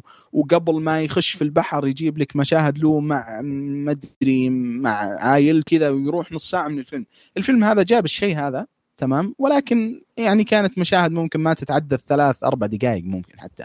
أم، فبالنسبة لي يعني زي ما ذكرت مدة الفيلم كانت جدا جميلة لأنه يعني أعطتني المطلوب من الفيلم إنه الفيلم أنا حسيت إنه المطلوب إنه تعيش التجربة هذه خلاص عشت التجربة شكرا. تبغى شيء درامي روح اتفرج على روح اتفرج على شيء درامي. يعني هو فيلم فيلم حربي يعني. فوصلني المطلوب من الفيلم وفي في شغلة أخيرة. توم هانكس يعني هو توم هانكس صراحة. يعني تعرف لما مثلا مثلا لما الناس يتفرجون على دنزل واشنطن يقول لك هو دنزل واشنطن نفسه ولا لما روبرت دينيرو يسوي ما أدري شخصية ال mobster اللي سواها في 20 فيلم ويجي يسويها كذا بدون أي إضافات على الشخصية هو نفسه. يعني مو شيء سيء بس إنه هو نفسه يعني توم هانكس ما أدري حتى نفس اللطف حقته لما واحد يقول والله في 50 واحد 50 واحد نازي ماتوا يقول لا 50 روح اخذناهم يعني ما أدري حتى أحيانا اللي تكون تحسها مصنعه صراحة وحتى بالعكس في مشاهد كثير حسيت إنه اداؤه مصطنع لأنه شخصية جدا لطيفة بشكل يعني بشكل مبالغ فيه فممكن معليش أنا آسف دخلت في السلبيات. لا لا, لا, لا ما هي مشكلة. قبل ما تدخل في السلبيات آه، عشان ما كنت بتكلم في ايجابيات بكثره عشان لا يعني أخلي لكم الكلام. أنا أشوف الفيلم آه، من ناحية لأن قال توم هانكس للأسف إنه ما عرض في السينما. وعرفت ليش قصده. لأن الفيلم فيه special effects وفيه آه، موسيقى وفيه sound mixing كان يحتاج له sound system ممتاز ويحتاج له شاشة كبيرة عشان تعيش الأحداث. يعني أنا شفته عندي شاشة كبيرة وعندي sound system متوسط لكن حسيت بالشعور هذا. لأن فيه الصوتيات مرة قوية. لأن الفيلم تقريبا معركة حربية فلازم تكون الصوت قوي. عشان كذا عرفت إنه لازم كلام توم هانكس إنه أتمنى إنه كان في السينما لأنك لو شفته في السينما بيكون أفضل من البيت كتجربة. لأن الصوتيات والشاشه special effect اللي في الفيلم مع إنها ما كانت مرة جبارة لأن ترى ميزانية الفيلم ما هي كثيرة ترى 50 مليون. حدود 50 مليون تقريبا. فما في صرف يعني الفيلم مش غالي مرة رخيص. بس طلعوا لنا بمنتج نهائي كويس. ف يعني الفيلم بالنسبة لي حتى التجاذبات والتفاصيل المعركة لأن ترى الألمان يعني جزء من حضارتنا الحين اللي نعيشها الحين ترى من تطور الحرب العالمية الأولى تطور الحرب العالمية الثانية والألمان لهم جزء كبير فيه. تراهم كانوا جبارين. يعني تتكلم على 1940 أه تشوف التكنولوجيا اللي وصلوا لها يعني اللي في الفيلم تراها حقيقة. يعني حتى اللي حتى في أعلى من الحقيقة يعني يعني في أشياء في الحقيقة ما تظهروها في الفيلم. الألمان ترى في هذاك الفترة هم اللي قادوا الصناعة. يعني جزء كبير من حتى أمريكا بعد الحرب العالمية الثانية أخذت علمائهم والاتحاد السوفيتي ونهضوا بنهضتهم هم. فجابوها في الفيلم بطريقة جيدة وما أثخنوا في حكاية السلبية في العدو زي كذا. هذه عجبتني. طيب من يبغى يتكلم عن السلبيات؟ الفيلم ما في سلبيات خلينا ندخل على الأسئلة على طول. لا ركان رك ركان عنده أشياء واجد. يلا روح يا ركان. طيب ممكن أدافع ولا ما ما آه شوف اذا اسمع. إذا تكلم ركان تقدر ترد. يلا ركان عطنا سلبيات وبدر بيرد عليك إذا ما ما عجبته. صراحة الفيلم رغم انه أنا أعترض. okay. لا واضح هذا هذا داخل بدفاع شرس هذا مع ال... مع الأدرينالين حق المباراة بدر. إيه. مرة. هذا هو فايز وهو مسوي كذا. كيف لو انهزم طيب يا آه، يلا. أيوه أقول إنه الفيلم رغم إنه قصير إلا إنه خلاني أشعر بالملل كثير صراحة. فاكثر من بعض كثير من المشاهد شعرت بالملل صراحة. لأنه الفيلم دخل في القصة والأحداث من دون بناء وتعريف. وش قاعد يصير؟ أنا عرفت وش قاعد يصير قدام عيني بس برضو أحس إنه أحتاج ش... أحتاج إنه يكون في شرح للشخصيات والتعمق في الشخصيات أكثر. يعني أكثر شخصية تعمق فيها هي شخصية توم هانكس وأنا صر- صراحة أشوف إنه ما تعمق فيها بالشكل اللازم أو ما تعمق فيها حتى بشكل كويس. آه، يعني عندك ستيفن جراهام. ستيفن جراهام موجود وش قدم؟ آخر فيلم سواه وش كان؟ The Irishman صح؟ The Irishman آخر فيلم سواه كان قدم دور شخصية قوية ولها مكانها في الفيلم وواضحة. لكن ستيفن جراهام أنا أشوف إنه ما قدم أي شيء صراحة في الفيلم وصراحة خ- خسارة الراتب اللي راح عليه صراحة. يعني وش سوى هو؟ ما ما سوى شيء. والعيب ذا أنا أشوفه في الإخراج وليس في في الممثل نفسه لأنه هو أدى اللي عليه صراحة. حلو. أه تصدق قاعد بقول لك شيء بالنسبة لستيف جراهام. تدري إني حسبه أيوه. أخو مارك ووربرغ الكبير؟ والله حسبه. هو ما دريت إنه هو ستيف جراهام والله صدق. طيب فصراحه أنا أشوف إنه أيوه اسلم أي أنا أقصد عاد عندك سلبيات ولا ننتقل للشباب؟ طب okay أنا بالنسبة لي أنا أنا أشوف هذه نقطة أنا نقطة مرة حلوة. لأن ما ضيع وقته في الشرح أعطاك المعلومات فهمت الفيلم خلال الف... يعني ما طلعت من الفيلم انت متفاهم. في أشياء كثيرة بالفيلم حقين البحرية حيفهمونها أفضل من أنا. في بعض النقاط أنا زميلي عقيد في البحرية فجالس يقول لي كان شوي الإكس أو ما الإكس أو واشرح لي إياها. فيعني سألته وجاوبني. بس مع ذلك ما هذا ما أثر على معني ما طلعني من الفيلم ما فهمته. أو أول ما شفت الفيلم خلص الفيلم أنا كان عندي تصور كامل وواضح وكل شيء. هو ال- ال- العيب ما هو بإنك إنه ما فهمني بالعكس أنا فهمت كل الأحداث لكن عيب إنه ما ما خلاني أشعر بالأحداث بشكل مط- المطلوب. حب حب حبيت إنه يدخل شوية دراميا يلعب دراميا شوية يعني برضو أنت ذكرتني بنقطة سلبية. فكرة إنه آه، آه، آه، مثلا ال- الأشخاص اللي غير توم هانكس ما غير يرددون اللي قاله توم هانكس. بالنص يعني copy paste النص اللي قبله على طول بعد الجملة نفسها. فحسيت إنه الفيلم كان يمديك تحط آه، نص الوقت وخلاص الجمل كلها انقالت نفسها. صحيح إنها ما بتأث... ما بتشع... بت... بتخليك تشعر بنفس المشاعر أو تفهم نفس الفهم ولكن يعني ما حسيت إنه يعني بشكل مبالغ سووها. وغير إنه ترى- الشخصيات ترى كذا هذا صدق. هذا الوضع الحقيقي. لا شوف راكان الفيلم ساعة ونص لا، لا، أتفرج شو- على الفيلم. شوف يا راكان أنا عارف شو اللي أنت تحبه وعارف شو اللي قصد- تقصده لكن ترى الفيلم ما يبغاه. أنت تبغى شيء درامي. الفيلم ما هو درامي. الفيلم معركة حربية ويجيب لك ال- التكنولوجيا التقنية حقت الحرب العسكرية البحرية. فيعلمك كيف تفاصيلها. بالعكس ترى ضرورية ومهمة وعجبتني. لما ال commander أو القائد يقول أمر كيف ينتقل؟ كيف يمشي في الحقبة الزمنية ذي؟ كيف ينتقل إلى أن يوصل تحت؟ طبعا آه، عشان ينفذون. الفيلم في الحقيقة- أيوه أنا في البحرية. أنا فاهم إنك تبغى شيء درامي شيء تمثيل. لا ما هو الفيلم هذا ما هو درامي ولا هو تمثيل. الفيلم هذا مهمة عسكرية يبغى يوريك تفاصيلها. يعني لو جاء قال توم هانكس انتقل يمين. وانتقلت يمين السفينة ما جاب لي تفاصيلها بيصير سيء الفيلم. فهمت القصد؟ لأن الف... يط- يطول الفيلم. شوية ويحط فيه شوية أحداث. لا لا شوف شوف أنا أقول لك أنا يبني لي كفيلم الشخصيات بس بناء الشخصيات لحاله عشان كذا بيقدم لل... عشان كذا أنا قلت لك أنت تبغى فيلم درامي. الفيلم هذا ما هو درامي. الفيلم هذا مهمة مع آه، عسكرية أكشن يعني أغلبه منه درامي. مع إن في جرعة درامية بسيطة كانت ضعيفة خاصة في الفلاش باك. لكن أتكلم عن التفاصيل اللي يتكلم عنها بدر. هي هي جزء من الفيلم أساسي. يعني بعض ما حتى يوم تقول انت يكرروا الكلام. لو ما جاب لي التكرير وكيف تنتقل الأمر من شخص إلى شخص إلى شخص إلى التنفيذ آه آه انتهى الفيلم صار سيء بيجيب لي تمثيل كأنه تمثيل مسرحي. صحيح بس أنا إنه أخذ مدة كبيرة من الفيلم. اي آه هذه متعة. خل... ليش مليت أنا؟ آه لأنك مثلا أنت تبغى تمثيل أنت تبغى دراما. أنا لا في الفيلم هذا ما أبغى دراما أبغى أشوف المعركة الحربية أبغى أشوف كيف ينتقل أبغى أشوف كيف ينتقل الأمر. يعني مثلا حكاية يوم يجيب لك تفاصيل عملية الطبخ. يعني أنا أنا تمنيت ان أنا أنا تمنيت بشكل عابر ليه تتعمق فيه إيه، لو تعمق فيها أنت بتت- بتتكلم عن التفاصيل اللي تقول إنها سلبية. يعني أنا تمنيت إنها زاد في التفاصيل. يعني تفاصيل بالضبط تمنيت لو زاد في التفاصيل يزيد جرعة الدراما في الفيلم. أبغى أفهم وش قاعد يصير؟ أبغى أحس اللي قاعد يصير أكثر مما أفهمه. قصدي؟ هو الحين جايب التفاصيل حقت المعركة الحربية بشكل دقيق خاصة في الأوامر والأرقام وال- والتفاصيل؟ يعني حتى في حكاية ال- الالمان كانوا يتخبلون على العس... على ال... كان عندهم تقنية ما هي موجودة ترى عند الحلفاء ولا عند بريطانيا يوم يموهون عليهم.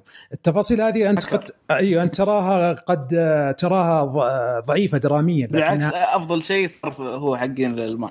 فهي كمعركة وكمهمة والله يقهرون بس مو بس يقهرون القلب أنا انقهرت وأنا مالي دخل في الموضوع لذلك إذا أنت اخذت بس توم هانكس ما انقهر ليش ما ينقهر الشخصية؟ ليش آه. ما تنقهر الشخصيات؟ هو لا، هو روح القائد. لا وهو القائد هو ما القائد يقدر يتأثر قدامهم أول مرة كل. الناس يناظرون فيه لا ترى هو تفاصيل جالس يحاول هو يصور مبتدئ لا. شوف معلش لا، أقول لك شيء بدر صح أت- أتفق معك؟ على فكرة بقول لك شيء واحد شفت اللقطة اللي يوم راح يكلم آه، ال XO حقه المساعد يوم جاي يتكلم أخذ الذفه الحين بعيد عن كل الجنود يعني عشان ما يكلم الشخصيات. أنا أنا قدرت ما يبغى يوصل. لازم الكابتن أنا قراري شيء واحد أسمع وخلصنا. شوف أول ما يجي على طول يروح يسوي شيء هو يسويه على طول. لو ما ترى يتأثر الشيء لا، لو ركز. على القائد أكثر مما يركز على المعركة كان استمتعت أكثر. لا لا بالعكس. لو أنا أنا ما أبغى بالنسبة لي أنا ما أبغى اصير أنا استمتعت في المعركة لكن حسيت إنها طولها زيادة عن. يعني يعني لو نفسها كانت نفسها اللي كل الأحداث تصير وراها لو كانت سيرة ذاتية للقائد راح يكون الفيلم سيء بالنسبة لي لكن ركز على المعركة بالإضافة للقائد بس يوريني ال- فاهم قصدكم حلو. بس, لأن- لأن لأن الف- السلبيات كلها كتابية آه أنا أعرف لأنك أنت تحب. أنت تحب الدراما وتحب الأداء التمثيلي أكثر من الاشياء فعشان كذا تشوفها سلبية إحنا نشوفها إيجابية طب طيب. بقول شيء واحد إيه. آه، يعني أتفق إيه. معه آه هذا أعتقد ثالث عمل توم هانكس ككتابة توم ندري يوم قلت أنت كتابة توم ندري انه screenplay من قبل. آه إيه. مستواه هو بسيط جدا. يعني سيئه ما يم... okay سيئه يعني هو صراحة. بالنسبة لي يعني هو بسيط يعني ما في شيء ابداع هو ال minimum خليك أعطاك- ممثل. انتهينا. أنا ما أدري يتفلسفون ذول الممثلين. لا لا يسوي يصير شيء غير ممثل. لا مو بشرط يا أخي. دن- عندك producer انتهينا. بعد. التمثيل عندك producer ما تعرف تكتب لا تكتب. لا. ما طيب. فعلا أنا وش أسوي؟ طيب آه حد طيب عنده okay في شيء ترى الفيلم ذا ذكرني بدانكرك دانكرك أنا- أنا قصة بدر. ما في قصة في اكشن أيوة. وفي مشاهد وفي هذا مثال هذا ممت... هذا مثال ممتاز اللي قلت عليه يا بدر مثلا لما يجيني واحد يقول يا أخي فيلم دنكرك مو سيء ما في قصة ما في أداء تمثيلي لأن الفيلم ما هو موجه للشيء هذا يعني إذا أنت لا، جاي لا، تبغى لا، أداء تمثيلي لا لا لا وتبغى قصة؟ لا، خطأ. لا تشوفه أبو باسل أنا أنا ترى ممكن أنا بالنسبة لي دانكيرك ما عجبني. وخلني أقول من البداية بالنسبة لي أسطوري. هذا الفيلم استمتعت فيه استمتعت فيه أكثر من دانكيرك بمراحل. ليش؟ الفيلمين هذه في شبه بينهم إنه كلها تتكلم عن عن ال ال مهم. الحرب. يعني حرب صارت على الماء أغلبها يعني. أغلبها مو, مو مو كان كل الوقت خاصة في دانكيرك يعني. وكلها كانت عن ال- ال- الحرب العالمية الثانية. ولكن الفرق بين الفيلم هذا وبين دانكيرك اول شيء إنه الفيلم هذا ما اعطى تعريف بالشخصيات ولا شيء. حتى أتوقع يعني ما ما ما أدري هل في أحد منكم كذا خلص الفيلم ويعرف اسم شخصية الكابتن اللي هو ال- ال- شخصية هانكس ما ما أتوقع. لا لا. الفيلم هذا كذا. فيلم أبو ساعة و... أيوه بالضبط ما نعرف حتى اسمه. الفيلم هذا فيلم أبو ساعة وثلث أعطاك التجربة okay? في سفينة وغواصه ضربوا الموضوع انتهى كذا وكذا وأعطاك التجربة فقط. طيب إيش رأيك؟ أنت- مشكله أ- مشكلة دانكيرك بس تسمح لي وباسل مشكلة إيه؟ دانكيرك إنه الفيلم حاول يسوي أكثر من كذا بس إنه بنفس الوقت يبغى يوصل لك التجربة بدون ما يخليك تتعلق بالشخصيات يعني مثلا حتى أنا أتذكرها دانكيرك لأنه تجربتي مع دانكيرك كانت سيئة جدا والله حتى أتذكرها يعني شخصية ما أدري ممكن أدخل في التفاصيل بس إنه شخصية كيليان ميرفي. وشخصية توم هاردي الفيلم كذا كان جالس يحاول يوريك المعاناة حقتهم وفي نفس الوقت جالس يعلقهم بس إنه بشيء كان ضعيف جدا. يعني اللي الفيلم أي نعم إنه كان فيه قصة وفيه تعريف لشخصيات بس كان بشكل سطحي جدا حيث إنه خلاك بالعكس بدال ما إنه أنت شخصية مجهولة ما تعرفها بدال ما تتعاطف معها. يعني بطبيعة النفس البشرية لما تشوف شخص في في مثلا جالس يعاني في حرب ولا جالس يغرق ولا شيء إنه تتعاطف معه. لكن دانكيرك لا كان جالس يحاول يعر- يعرفك بالشخصية ولكن سواها بشكل سيء بحيث إنه بالعكس يعني بدال ما اتعاطف مع الشخصيات صار ما يهمني يعني. حلو. حتى حتى ما في تعاطف عبد الله؟ يعني عبد الله بقول أيوة. فيلم دانكيرك عرفت قيمة أحداث كان دانكيرك كلها مو بعد ما شفت الفيلم بعد ما شفت فيلم Darkest Hour أيوه بالضبط والله العظيم أنا نفسي أنا أنا إيه. إيه اسلم. أقول Darkest Hour هو اللي علمني أهمية دانكيرك وبعدين يوم شفت المخرج يتكلم يقول أنا بس هذه تحية وحب لدولتي فسويت الفيلم ذا. ف يعني ما كان يعني حتى الفيلم ما وضح لي وش أهمية دانكيرك لي أنا كمشاهد. شوف أنا شفت إن. إحداث صارت وبس. وانتهت. شوف إذا هذه ميزة الأفلام ولا تنوع الآراء وتنوع الذائقة. آه، اللي أنا أبغى أوصل له سواء هذا فيلم Greyhound ولا فيلم دانكرك إنك تع... لازم تعرف الهدف من الفيلم. يعني مثلا واحد يبغى يجي يشوف سيرة ذاتية أو يبغى يشوف اداء تمثيلي أو تعريف بالشخصيات لا يروح يشوف فيلم دانكرك يعني مثلا أحد الأشخاص قاعد يسب يسب يسب في فيلم دانكرك قعدت اتناقش معه لقيته شايفه على جوال. فهمت علي؟ وقاعد يقول يا لا، أخي يا أخي يا أخي ما حتى الطيار ما شفت وجهه. يا, أخي هذا ما هذا فيلم سينمائي فيه special effect عظيمة موسيقى جبار يعيشك جو الحرب. ما هو فيلم تمثيلي ولا أداء شخصيات. لا تشوفه. فأنت لازم تعرف أنت لازم تعرف الهدف. الفيلم هذا Greyhound وأنا بتكلم عنها في السلبيات آه، بعد شوية. آه، فيلم مهمة معركة حربية دخل لك على طول آه، تسا- تسارع الأحداث أعطاك تفاصيل معينة تقنية حربية. هذا هدف الفيلم. يعني صح انه بس هذا اعطاك الشيء الوحيد اللي سواه. أيوه هذا الفيلم هو فقط.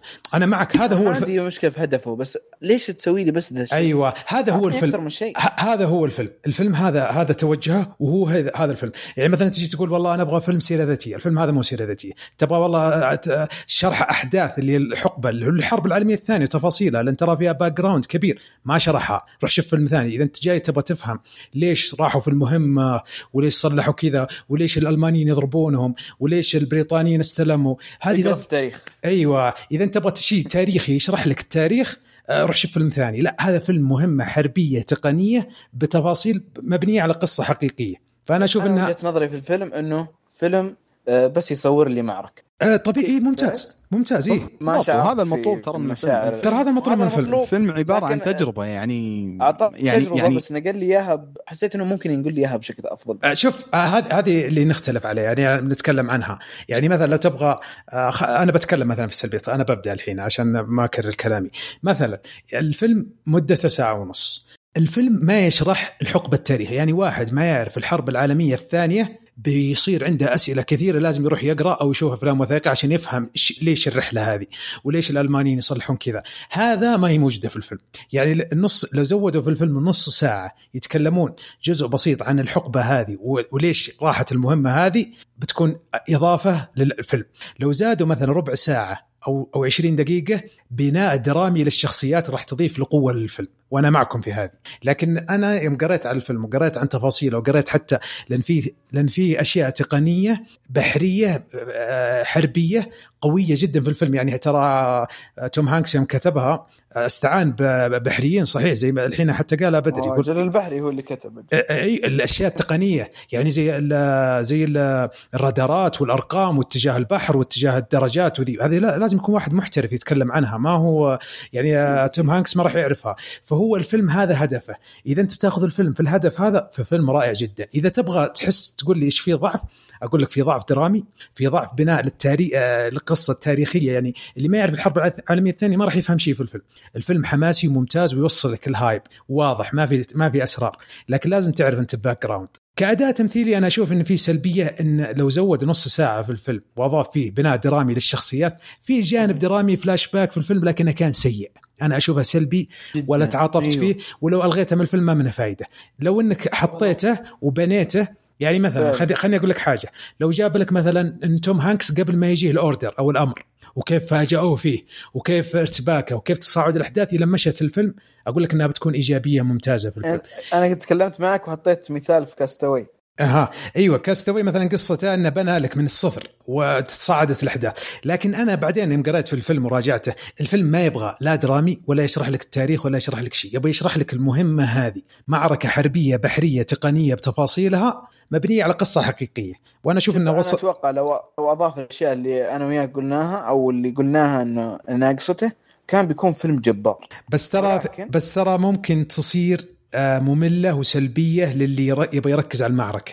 بتفصله لكن لأن ترى الفيلم من أول ما بدأ إلى أن انتهى ترى في حماس آه، قوي جدا وفي تصاعد في الحماس. يعني لو قطعه بأشياء درامية أو خلاه في البداية وبعدين قطعه ممكن يصير في ملل في النص. بيقولوا الناس ليش دخلت التفاصيل التقنية؟ فهو هدفه المعركة الحربية بشكل كامل. طبعا هي وجهة نظر قد تكون صحيحة بعضهم أعجبهم بعض بعض عجبهم وهذا اللي يفيدنا في الفيلم. طبعا الفيلم برضه في سلبية من وجهة نظري اللي هو في special effect كويسة وحلوة وتعطيك كذا لكن تحس إن الفيلم رخيص من الناحية هذه لأن ميزانيتها مرة قليلة. الممثلين ما في إلا ممثلين يعني ال- البريطاني والممثل توم هانكس. يعني ما في يعني لو دخل في التفاصيل زيادة يعني التفاصيل التقنية اللي الناس يستوون منها تمنيت ان دخلوا فيها زيادة. زي المطبخ زي تفاصيل ال- المعركة. يعني بعطيكم مثال فيلم تايتانيك لما كان يشتغل المحرك ويطفى تذكرون المشاهد هذه؟ لو كانت برضه في الفيلم هذه كيف يشغلون ويطفون لو أضافوها برضه بتكون جبار فهذه تقريبا سلبيات من عندي. أعطنا السلبيات يا عبد الله. أه، ممكن أنا السلبية واحدة ال- اللي اللي صراحة غشيت وأخذتها منكم لأنه أنا طلعت من الفيلم يعني ما ما كان أصلا حتى عندي يعني تقدر تقول أول مرة شفت الفيلم أو أو بعد ما شفته ما ما كنت قادر أكون رأي بالضبط عن الفيلم لأنه كانت صراحة تجربة سريعة جدا وفيها أشياء حلوة بس في نفس الوقت يعني تعرف اللي ما كانت واصل المستوى جدا يعني اللي اللي اللي كانت عظيمة لا كان كانت لطيفة يعني بس ممكن السلبيات يعني ال- المشهد اللي في بداية الفيلم اللي اللي مسوي فيها كذا يعني درامي أو يعرفك على الشخصية ما أدري. يعني كان مثل قلته والله لو شالوه أو حتى زي ما قلت باسل لو لو حطوا يعني مشهد ثاني. تتذكر مثلا مثلا في بداية فيلم مو Cast Away الفيلم الأول. أول فيلم كان فيه مايكس كابتن Captain Phillips اللي يذكر بداية الفيلم ترى الفيلم ممكن تقريبا أخذ كذا نص ساعة أو حتى أكثر لحد ما وصل للهدف فعلا حقه. الفيلم هذا لو لو سوى نفس الشيء حق حق ال- الفيلم آه كابتن فيليبس ولكن اختصر نص ساعة هذيك في خمس دقائق بدل اللي كان موجود في بداية الفيلم هذا أتوقع إنه كان ممكن يتحسن بمراحل. أي نعم أنا ما يهمني أعرف شيء كثير عن عن ال- الكابتن والهدف إنه تعيش التجربة حقته بس في النهاية هو يعني أنا ما أقدر أتعامل معه نفس نفس العمود اللي هو واقف جنبه لازم أعرف شيء عنه. فالفيلم حاول يسوي الشيء هذا وما نجح فيه. بس إنه ما أثر على التجربة لأنه الفيلم ما يعني ما تاخر وعلى طول يعني الفيلم كذا ابتدى سريع سريع. طيب، ممكن حلو. هذه سلبيتي. آه، شطحة كذا بسيطة عن توم هانكس. آه، بقدر ما الممثل هذا عظيم وجبار وعنده أداء تمثيلي آه، ممتاز ولدرجة أن حتى بعض الأحيان تحسه ما يمثل أنه يدي أداء شخصي إلى درجة أني افضل صرت ممثل. إلى درجة أني أشوفه ذا الحين بدأت أكرهه. يا أخي آه، لما تشوف أفلامه من يوم صغير إلى الحين الإنسان الطيب.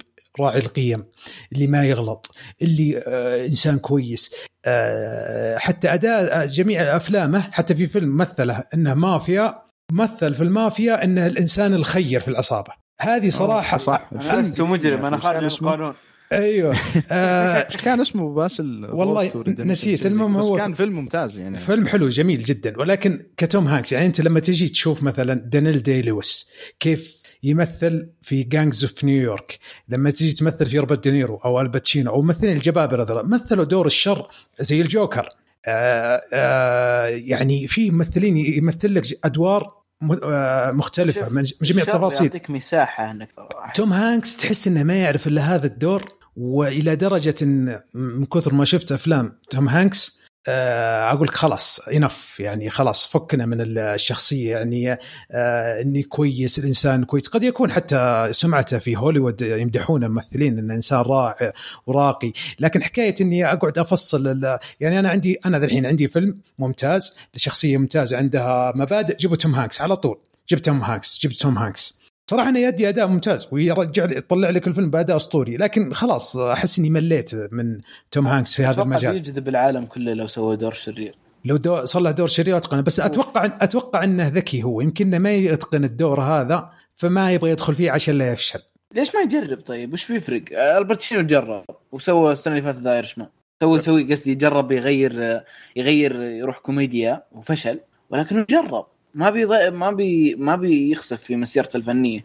ولا ما, ما أدري. أنا هذا توم هانكس أنا لاحظها عليه لأن أفلامه أسطورية صراحة. فلما تابعها كلها كلها يعني بنسبه 99% إن الإنسان الخير راعي المبادئ آه، حاط نفسه في زاوية معينة ما هو ما هو قادر يخرج منها. واشوف انها سلبية. ما أدري تتفقون معي ولا تخ... أنا ممكن أتفق معك أبو باسل. حتى ما أدري أنا الفيلم اي ف- لا بالعكس ممكن أشوفها. يعني حتى من تذكرون أنا قلتها في إيجابيات لأنه لأنه كذا كنت أبغى امتدح اداء توم هانكس. بعدين إنه ذكرت لا هذا هذا هو توم هانكس نفسه يعني ما تغير. بس إنه شهادة الله أبو باسل يعني هو في الفترة الأخيرة أي نعم إنه شخصياته غالبا تكون دور طيب بس إنها في اختلاف عن الشخصيات المتعارف عليه. يعني ما أدري إذا تتذكر أو حتى ممكن ال- ال- الفيلم اللي سواه السنة اللي راحت Beautiful in the Neighborhood كان شخصية جدا لطيف ومعروف اللي هو مستر روجرز.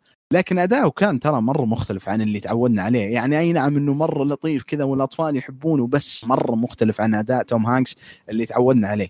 فأنا أتفق معاك إنه في الفيلم هذا صراحة كان اداؤه شوي يعني مو مرة يعني بس إنه لا يعني أي نعم شخصياته متشابهة لكن في في في اختلاف برضه في نفس يعني الوقت. يعني أبغى أبغى يكون في ممثل يقوم بدور شرس بدور آه، إنسان. مجرم آه، دموي آه، يعني اللي مثلوه يعني مثلا ليوناردو دي كابري أداءه في جانجو انشان كان أسطوري ترى المفروض كان ياخذ الأوسكار ذاك الوقت. إي نعم فأتكلم بعض فعلا. الممثلين كذا يجيك دوره حتى لو كان شرير يجيك أسطوري. توم هانكس هذه ما هي عنده. ما أدري هل هو ما يعرف ولا هو عايش ال genre هذه ما يبغى يخرج منها. طيب عشان ما نكثر الكلام لأن شطحنا واجد آه، عد في سلبيات ولا ننتقل لاسئلتنا أنا عندي؟ إيجابية شوف. روح يلا. الله. يلا آه أيوه. أتذكر مشهد من المشاهد صراحة حبيته لأنه دخل في التفاصيل. آه فكرة إنه حذيانه آه فيها دم من كثر ما يمشي وكذا. هذا صح. حبيت التفاصيل هذه مرة لأنه دخل فيها سوى الأشياء اللي أنا أبغاها في ذا المشهد البسيط جدا. آه، وش رأيكم؟ مرة جيدة بس إنها برضه يعني ترى هذه من ال hints ات اللي يتميز بها توم هانكس زي ما قال عبد الله لما ماتوا الألمان يقول آه، 20 آه، ميت لا 20 روح. هذه آه، credit له. يعني هو اللي كاتب السيناريو إيه. ومظبط نفسه يعني. إيه تعرف كذا ممثل لما يكتب نفسه إيه لما لما يكتب أيوه نفسه دور يخلي الشخصيات المزز وهذول كلهم عنده وكذا ويمدح والحوارات ال- والرهيبة كلها تكون عنده. ف يا بس بس ال ال. يعني أيوه بالضبط. بس إنه يعني ردا عليك ركان مش- مشهد الجزم الله يكرمكم. أنا حسيت إنه. كان له إي كان له هدف إنه فعلا يوريك إنه إنه ما يبغى يبين مشاعره فعلا قدام قدام ال- الناس اللي معاه في البحرية لأنه أغلبهم صغار واصلا ما هم عسكريين يعني بحكم إنه كان ذيك الفترة في تجنيد إجباري. فكيف إنه لو كان رأس ال ال أو كابتن السفينة هذه يعني بقلالة ادره يعني زي ما يقولون جالس كذا يتألم ويتأثر قدامهم. بالعكس يعني هو جالس ممكن يوريهم بقصد أو بغير قصد يعني إنه كيف إنه متحمل الألم هذا ف يعني إنه المفروض في واجب برضو عليهم إنه إنه يتحملون لحد ما تنتهي الأزمة هذه. ففعلا المشهد المشهد والله سقط مني سهوا هذه ركان بس لا فعلا نقطة جدا جميل و- وكان مشهد له معاني كثير يعني في في في الفيلم. حلو حلو. طبعا انت يا عبد الله قاعد تسرق سواء إيجابيات سلبيات. آه. يا أخي الفيلم قصير أنا ما شاء الله عليكم. ما, ما أنا الفيلم ابتدى وانتهى بالنسبة لي وكذا وجالس أقول كيف؟ شوف الفيلم قصير بس إنه بس لو تأخذه من ناحية زاوية ثانية ترى متعته إنه قصير. يعني لو طول صح. اي قد, صح. قد يمل. يعني قد يصير في ملل لكن ترى يشد من البداية للنهاية. يعني حتى خفيف على الفيلم. يعني مثلا عن النقيض الفيلم السابق اللي تكلمنا عنه اللي This Is Boy's Life فيلم ما هو سيء لكن طوله ورتم واحد خل... خلاني أمل. الفيلم هذا ما مليت فيه يعني ممتع. لأنك أنت لما تتابع فيلم أو مسلسل أو شيء لازم تستمتع. يعني أنا ماني جاي أشوف حصة إخراجية ماني جاي أشوف حصة موسيقية ولا معلومة تاريخية. أبغى خلاص أنا ما جيت في الفيلم هذا عشان أشوف معلومات بحرية. لا بس أنا جاي أستمتع. لا آه، صحيح. بس أنا مثلا أنا استمتعت في المعركة الحربية آه، البحرية. أنت مثلا ما تحب الأكشن والمعارك الحربية تبغى دراما. اذا الفيلم هذا ما راح يناسبك فهمت؟ لكن ال- الفيلم آه، إذا ما استمتعت فيه فمو شرط إنه يعني إنك تقول إنه ممتاز وهو مش ممتاز بالنسبة لك. وهي وجهة نظر في الأول والأخير. فأحد عنده سلبيات زيادة ولا ننتقل الاسئله المعتاده؟ لا أنتقل حبيبي. طيب. آه، هل الفيلم هذا فيه مشاهد تعري أو مشاهد مخلة؟ لا. لا. الفيلم نظيف يعني ممتاز المشاهده الج- العائليه طيب هل ينفع المشاهده الجماعية؟ أنا أقول نعم. أكيدين. الفيلم حماسي. وممتاز وجيد. آه بس أنا ما ينفع المشاهده العائلية يعني لو ما أدري يعني جماعية، أو جماعية العائلة شباب. يعني جماعية شباب ممتاز. يعني إيه بس لأنه في مشاهد آه، يعني ما أدري مو دموية ولكن يعني يعني مثلا بقايا مثلا جسم معين أو شيء زي كذا يعني صراحة اللي شوي مم- ممكن في ناس ما يتقبلونها أها. ف... بس إنها خفيفة ما كانت كثيرة. أنا أضيف عليها اللي يحب حقبة الحرب العالمية الثانية وأعجبه مثلا فيلم Darkest Hour، King's Speech، Dunkirk، الأفلام هذه اللي تحكي حقبة الحرب العالمية الثانية ضف لها هذا الفيلم راح ممتاز جدا لأنه يتكلم عن جانب من الحرب العالمية الثانية اللي هو المعارك الحربية. يعني المعارك الحربيه ما فيها أفلام كثيرة، ممكن في أفلام تتعلق ب Pearl Harbor اللي اليابانيين ضربوا أمريكا، لكن لهذه الفترة اللي كان يوم تنتقل السفن التجارية من أمريكا لدعم الحلفاء ما ما غطت ما غطت بشكل ممتاز. في الفيلم هذا غطاها وشكله وكانت يعني شيء جميل للي يحب الحقبة هذه. طيب نجي على يعني حط الفيلم PG 13 غريب ولا؟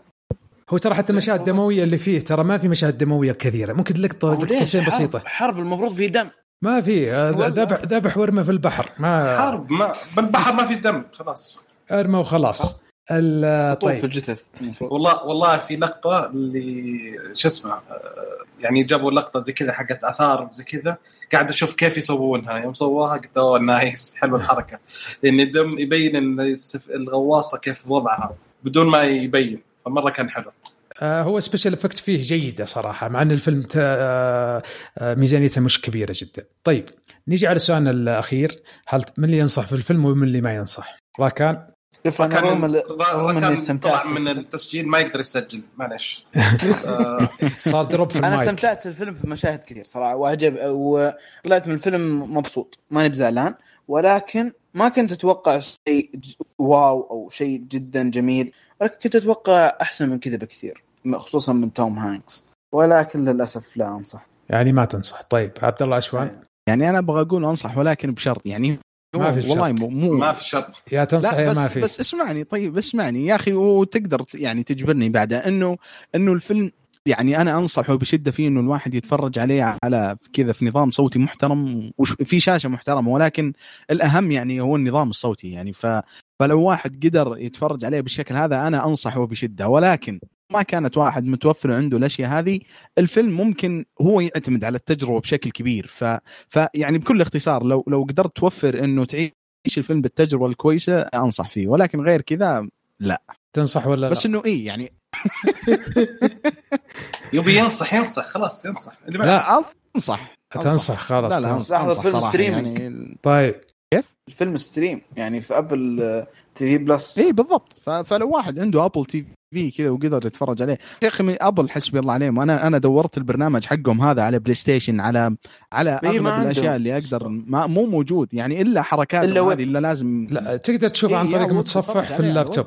إيه بس أنا ما أبغى أتفرج عليه في اللابتوب أبغى أشوفها تلفزيون وال Apple TV اللي موجود عندي ما أقدر أستخدمه يعني آه، مستخدم من من من أشخاص آخرين. ف... آه. فصراحة يعني أنا انقهرت. كان كان ودي أشوف الفيلم مثلا والله يعني تبغى آه، أقهرك؟ أيوه. والله شفتها Apple TV في 4K ب sound system ما هو محترم. ومتوسط بس إني قربت من الشاشة عشان أعيش تجربة كاملة. حتى لدرجة صوت ال- ال bass مرفعه إلى الأخير. فتجيني ام باسل الله يستر عليها تقول إيش فيك ترج البيت؟ لا من جد شعور شعور ال sound system لما كذا يرج الغرفة ولا البيت عندك شعور والله تتفرج لأن على الفيلم شعور جميل لأن صراحة في حماس في الفيلم مرة حلو خاصة يعني أنا نعم. أنا أحب الفترة هذه الحقبة الزمنية فعايش تفاصيلها فعارف إيش التفاصيل واللي معجبيني في الفيلم ترى الألمان أنا ما ترى مو عاجبني الأمريكان أنا يعني. أنا والله أتفق. عاجبني وترى الفيلم ما هو جايبهم بطريقة ال- النازي السيء الغبي المدري. لا لا جايبهم كيف يشتغل وترى كانوا يشتغلونهم أكثر من الفيلم. طبعا طالعين في الفيلم إن نعم. الأمريكان هم الأقوياء. ترى والله إلى عينين جذفهم. أزيد عليك قال في نهاية الفيلم قال لك كم عدد هذا؟ طيب كم؟ أكثر من 35 ألف سفينة طا- طيب أزيدكم فيلم. أنا ذكرت لكم كم فيلم للحقبة ذيك. في فيلم متعلق بطريقة بسيطة بالمعارك البحرية ذي اسمه The Imitation Game أوه. هذا يتكلم حق كم تو... باش؟ بندكت كمبرباتش أيوه حق تورينج. تورينج هذا أبو الكمبيوتر هو اللي اخترع الكمبيوتر في العصر الحديث. له علاقة بالمعارك هذه اللي في البحر لأنه اخترع كمبيوتر ذاك الأيام يسمونها Imitation Game عبارة عن صمامات أو مفرغات يعرفونها الكمبيوتر اللي بعدين تطورت صارت معالجات وهو يعتبر أبو الكمبيوتر. كان لها أثر إنهم كانوا يكشفون الشفرات حقت المعارك فبرضه هذا يضيفوها للي يبغى يشوف حق له- الانجما أيوه النجمه حقت النازيين. ترى النازيين كانوا خطيرين كانوا سابقين عصرهم. يعني خاصة ترى الفيلم هذا ركز على بداية الحرب العالمية. يعني الفيلم سنة 41 1941 يعني ما كان ما كان آه، 44 يعني تقول لما الألمان فعلا استنزفوا جيوشهم وقوتهم لا يعني كان كذا في قوتهم. ف وحتى أبو باسل أنت قلت شيء يعني من جد أنا والله أجمل شيء بالنسبة لي كان في الفيلم يا أخي ذا Grey Wolf. وولف ذا جري وولف جري وولف الألماني ه- هذه أنا أقول لك هذه بالنسبة لي أعتبرها أحسن شخصية في الفيلم يعني ف واستفزاز يعني نفسي ملعون. والدين من جد يا اي أخي والله تعرف يحرق قال لك- الدم. ال mind games ها هذه فعلا mind games كذا يفك عليهم. the Grey Wolf is hungry يا أخي تحس بالرعب من جد. فاللي شاف الفيلم بيفهم بالضبط وش قاعدين نقول ف أنا في لقطتين من الفيلم من. من الحماس. قعدت أسولف. يلا الحين لا تأخر. معاهم اللي حتى اللي جاب أبو الشباب تفرج المباراة أنت ولا وش؟ لا لا الفيلم, الفيلم حماسي والله حماسي مرة خاصة إذا كان عندك شاشة كويسة و sound system ممتاز. هذا فيلم من ال- الثاني وتقدرون تشوفونه. ترى من... أبوي ما سألتني أنا. ما سالت أوه بدر يا تفضل تفضل أنا اخذت في بالي إنك خلاص تنصح معلش. لا معليش أنا. يلا. تنصح ولا ما تنصح؟ يا بدر؟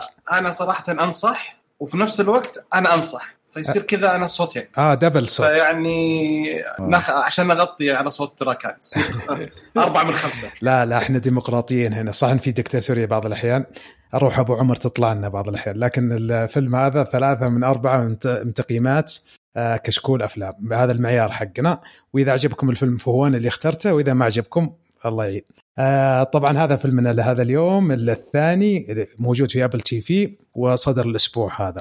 طيب أحد عنده تعليق زيادة ولا نروح شوف تعليقات المستمعين المستمعين تقريبا مستمعين ما عندنا إلا تعليق واحد آه، من أبو بندر يقول شكرا على الحلقة وإضافة مميزة. آه، سعود آه، الله يعطيه العافية سعود كان معنا في الحلقة الماضية. وإن شاء الله يا عبد الله نشوفك تسوق آه، تسوق سيارة تطير في يوم من الأيام. يقصد عن Back to the Future أنت تحب الطيران يا عبد الله ولا شيء؟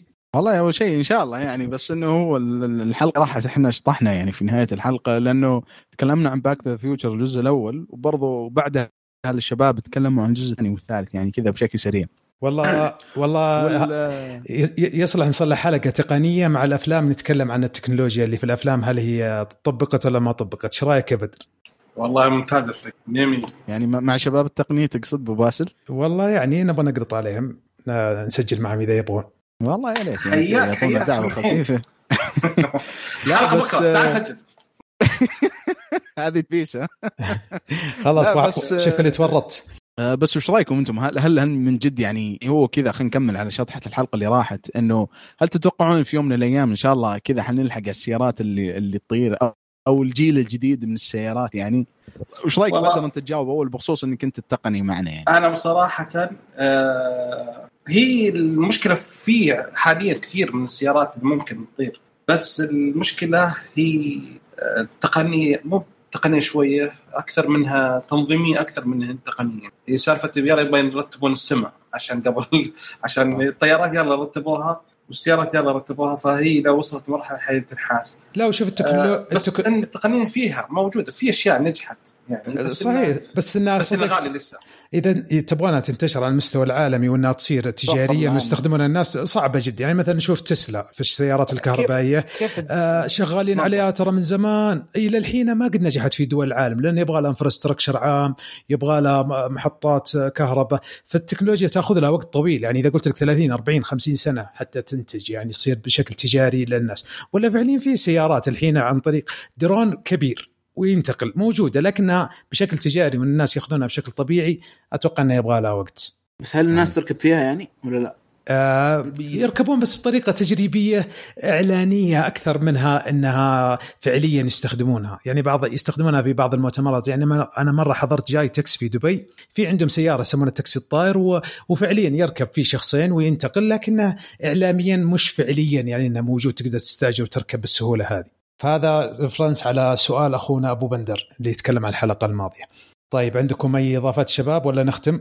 الله. العافية طيب قبل ما نختم نبارك ل- ل- المدريدي بدر الناصر آه، على ريال مدريد. حصلوا على الدوري الإسباني ألف هلا. مدريد هلا مدريد. مع طيب الدفع الرباعي أكيد يعني. والله الدفع رباعي ما هو دفع رباعي. يا- جبناه جبناه. جابوا جابوا بدق الخشوم. ولا وابشرك آه، برشلونة منهزم 2-1 زي- يعني زيادة. ال- ال- ال- الفرحة فرحتين الليلة. يا شيخ يعني حتى لو ما فزنا المباراة دي خلاص انتهى الدوري بكل أحواله. حلو حلو. طيب هذه حلقتنا لهذا اليوم. أتمنى تكونوا استمتعتوا معنا ولا تنسوا تعطونا تعليقاتكم على الموقع فيسبوك أو تويتر واعطونا تقييماتكم لنا على صفحتنا في آيتونز. كما لا تنسوا تتابعونا على يوتيوب عندنا أشياء جميلة هنالك ونشوفكم إن شاء الله الحلقة القادمة على ألف ألف خير.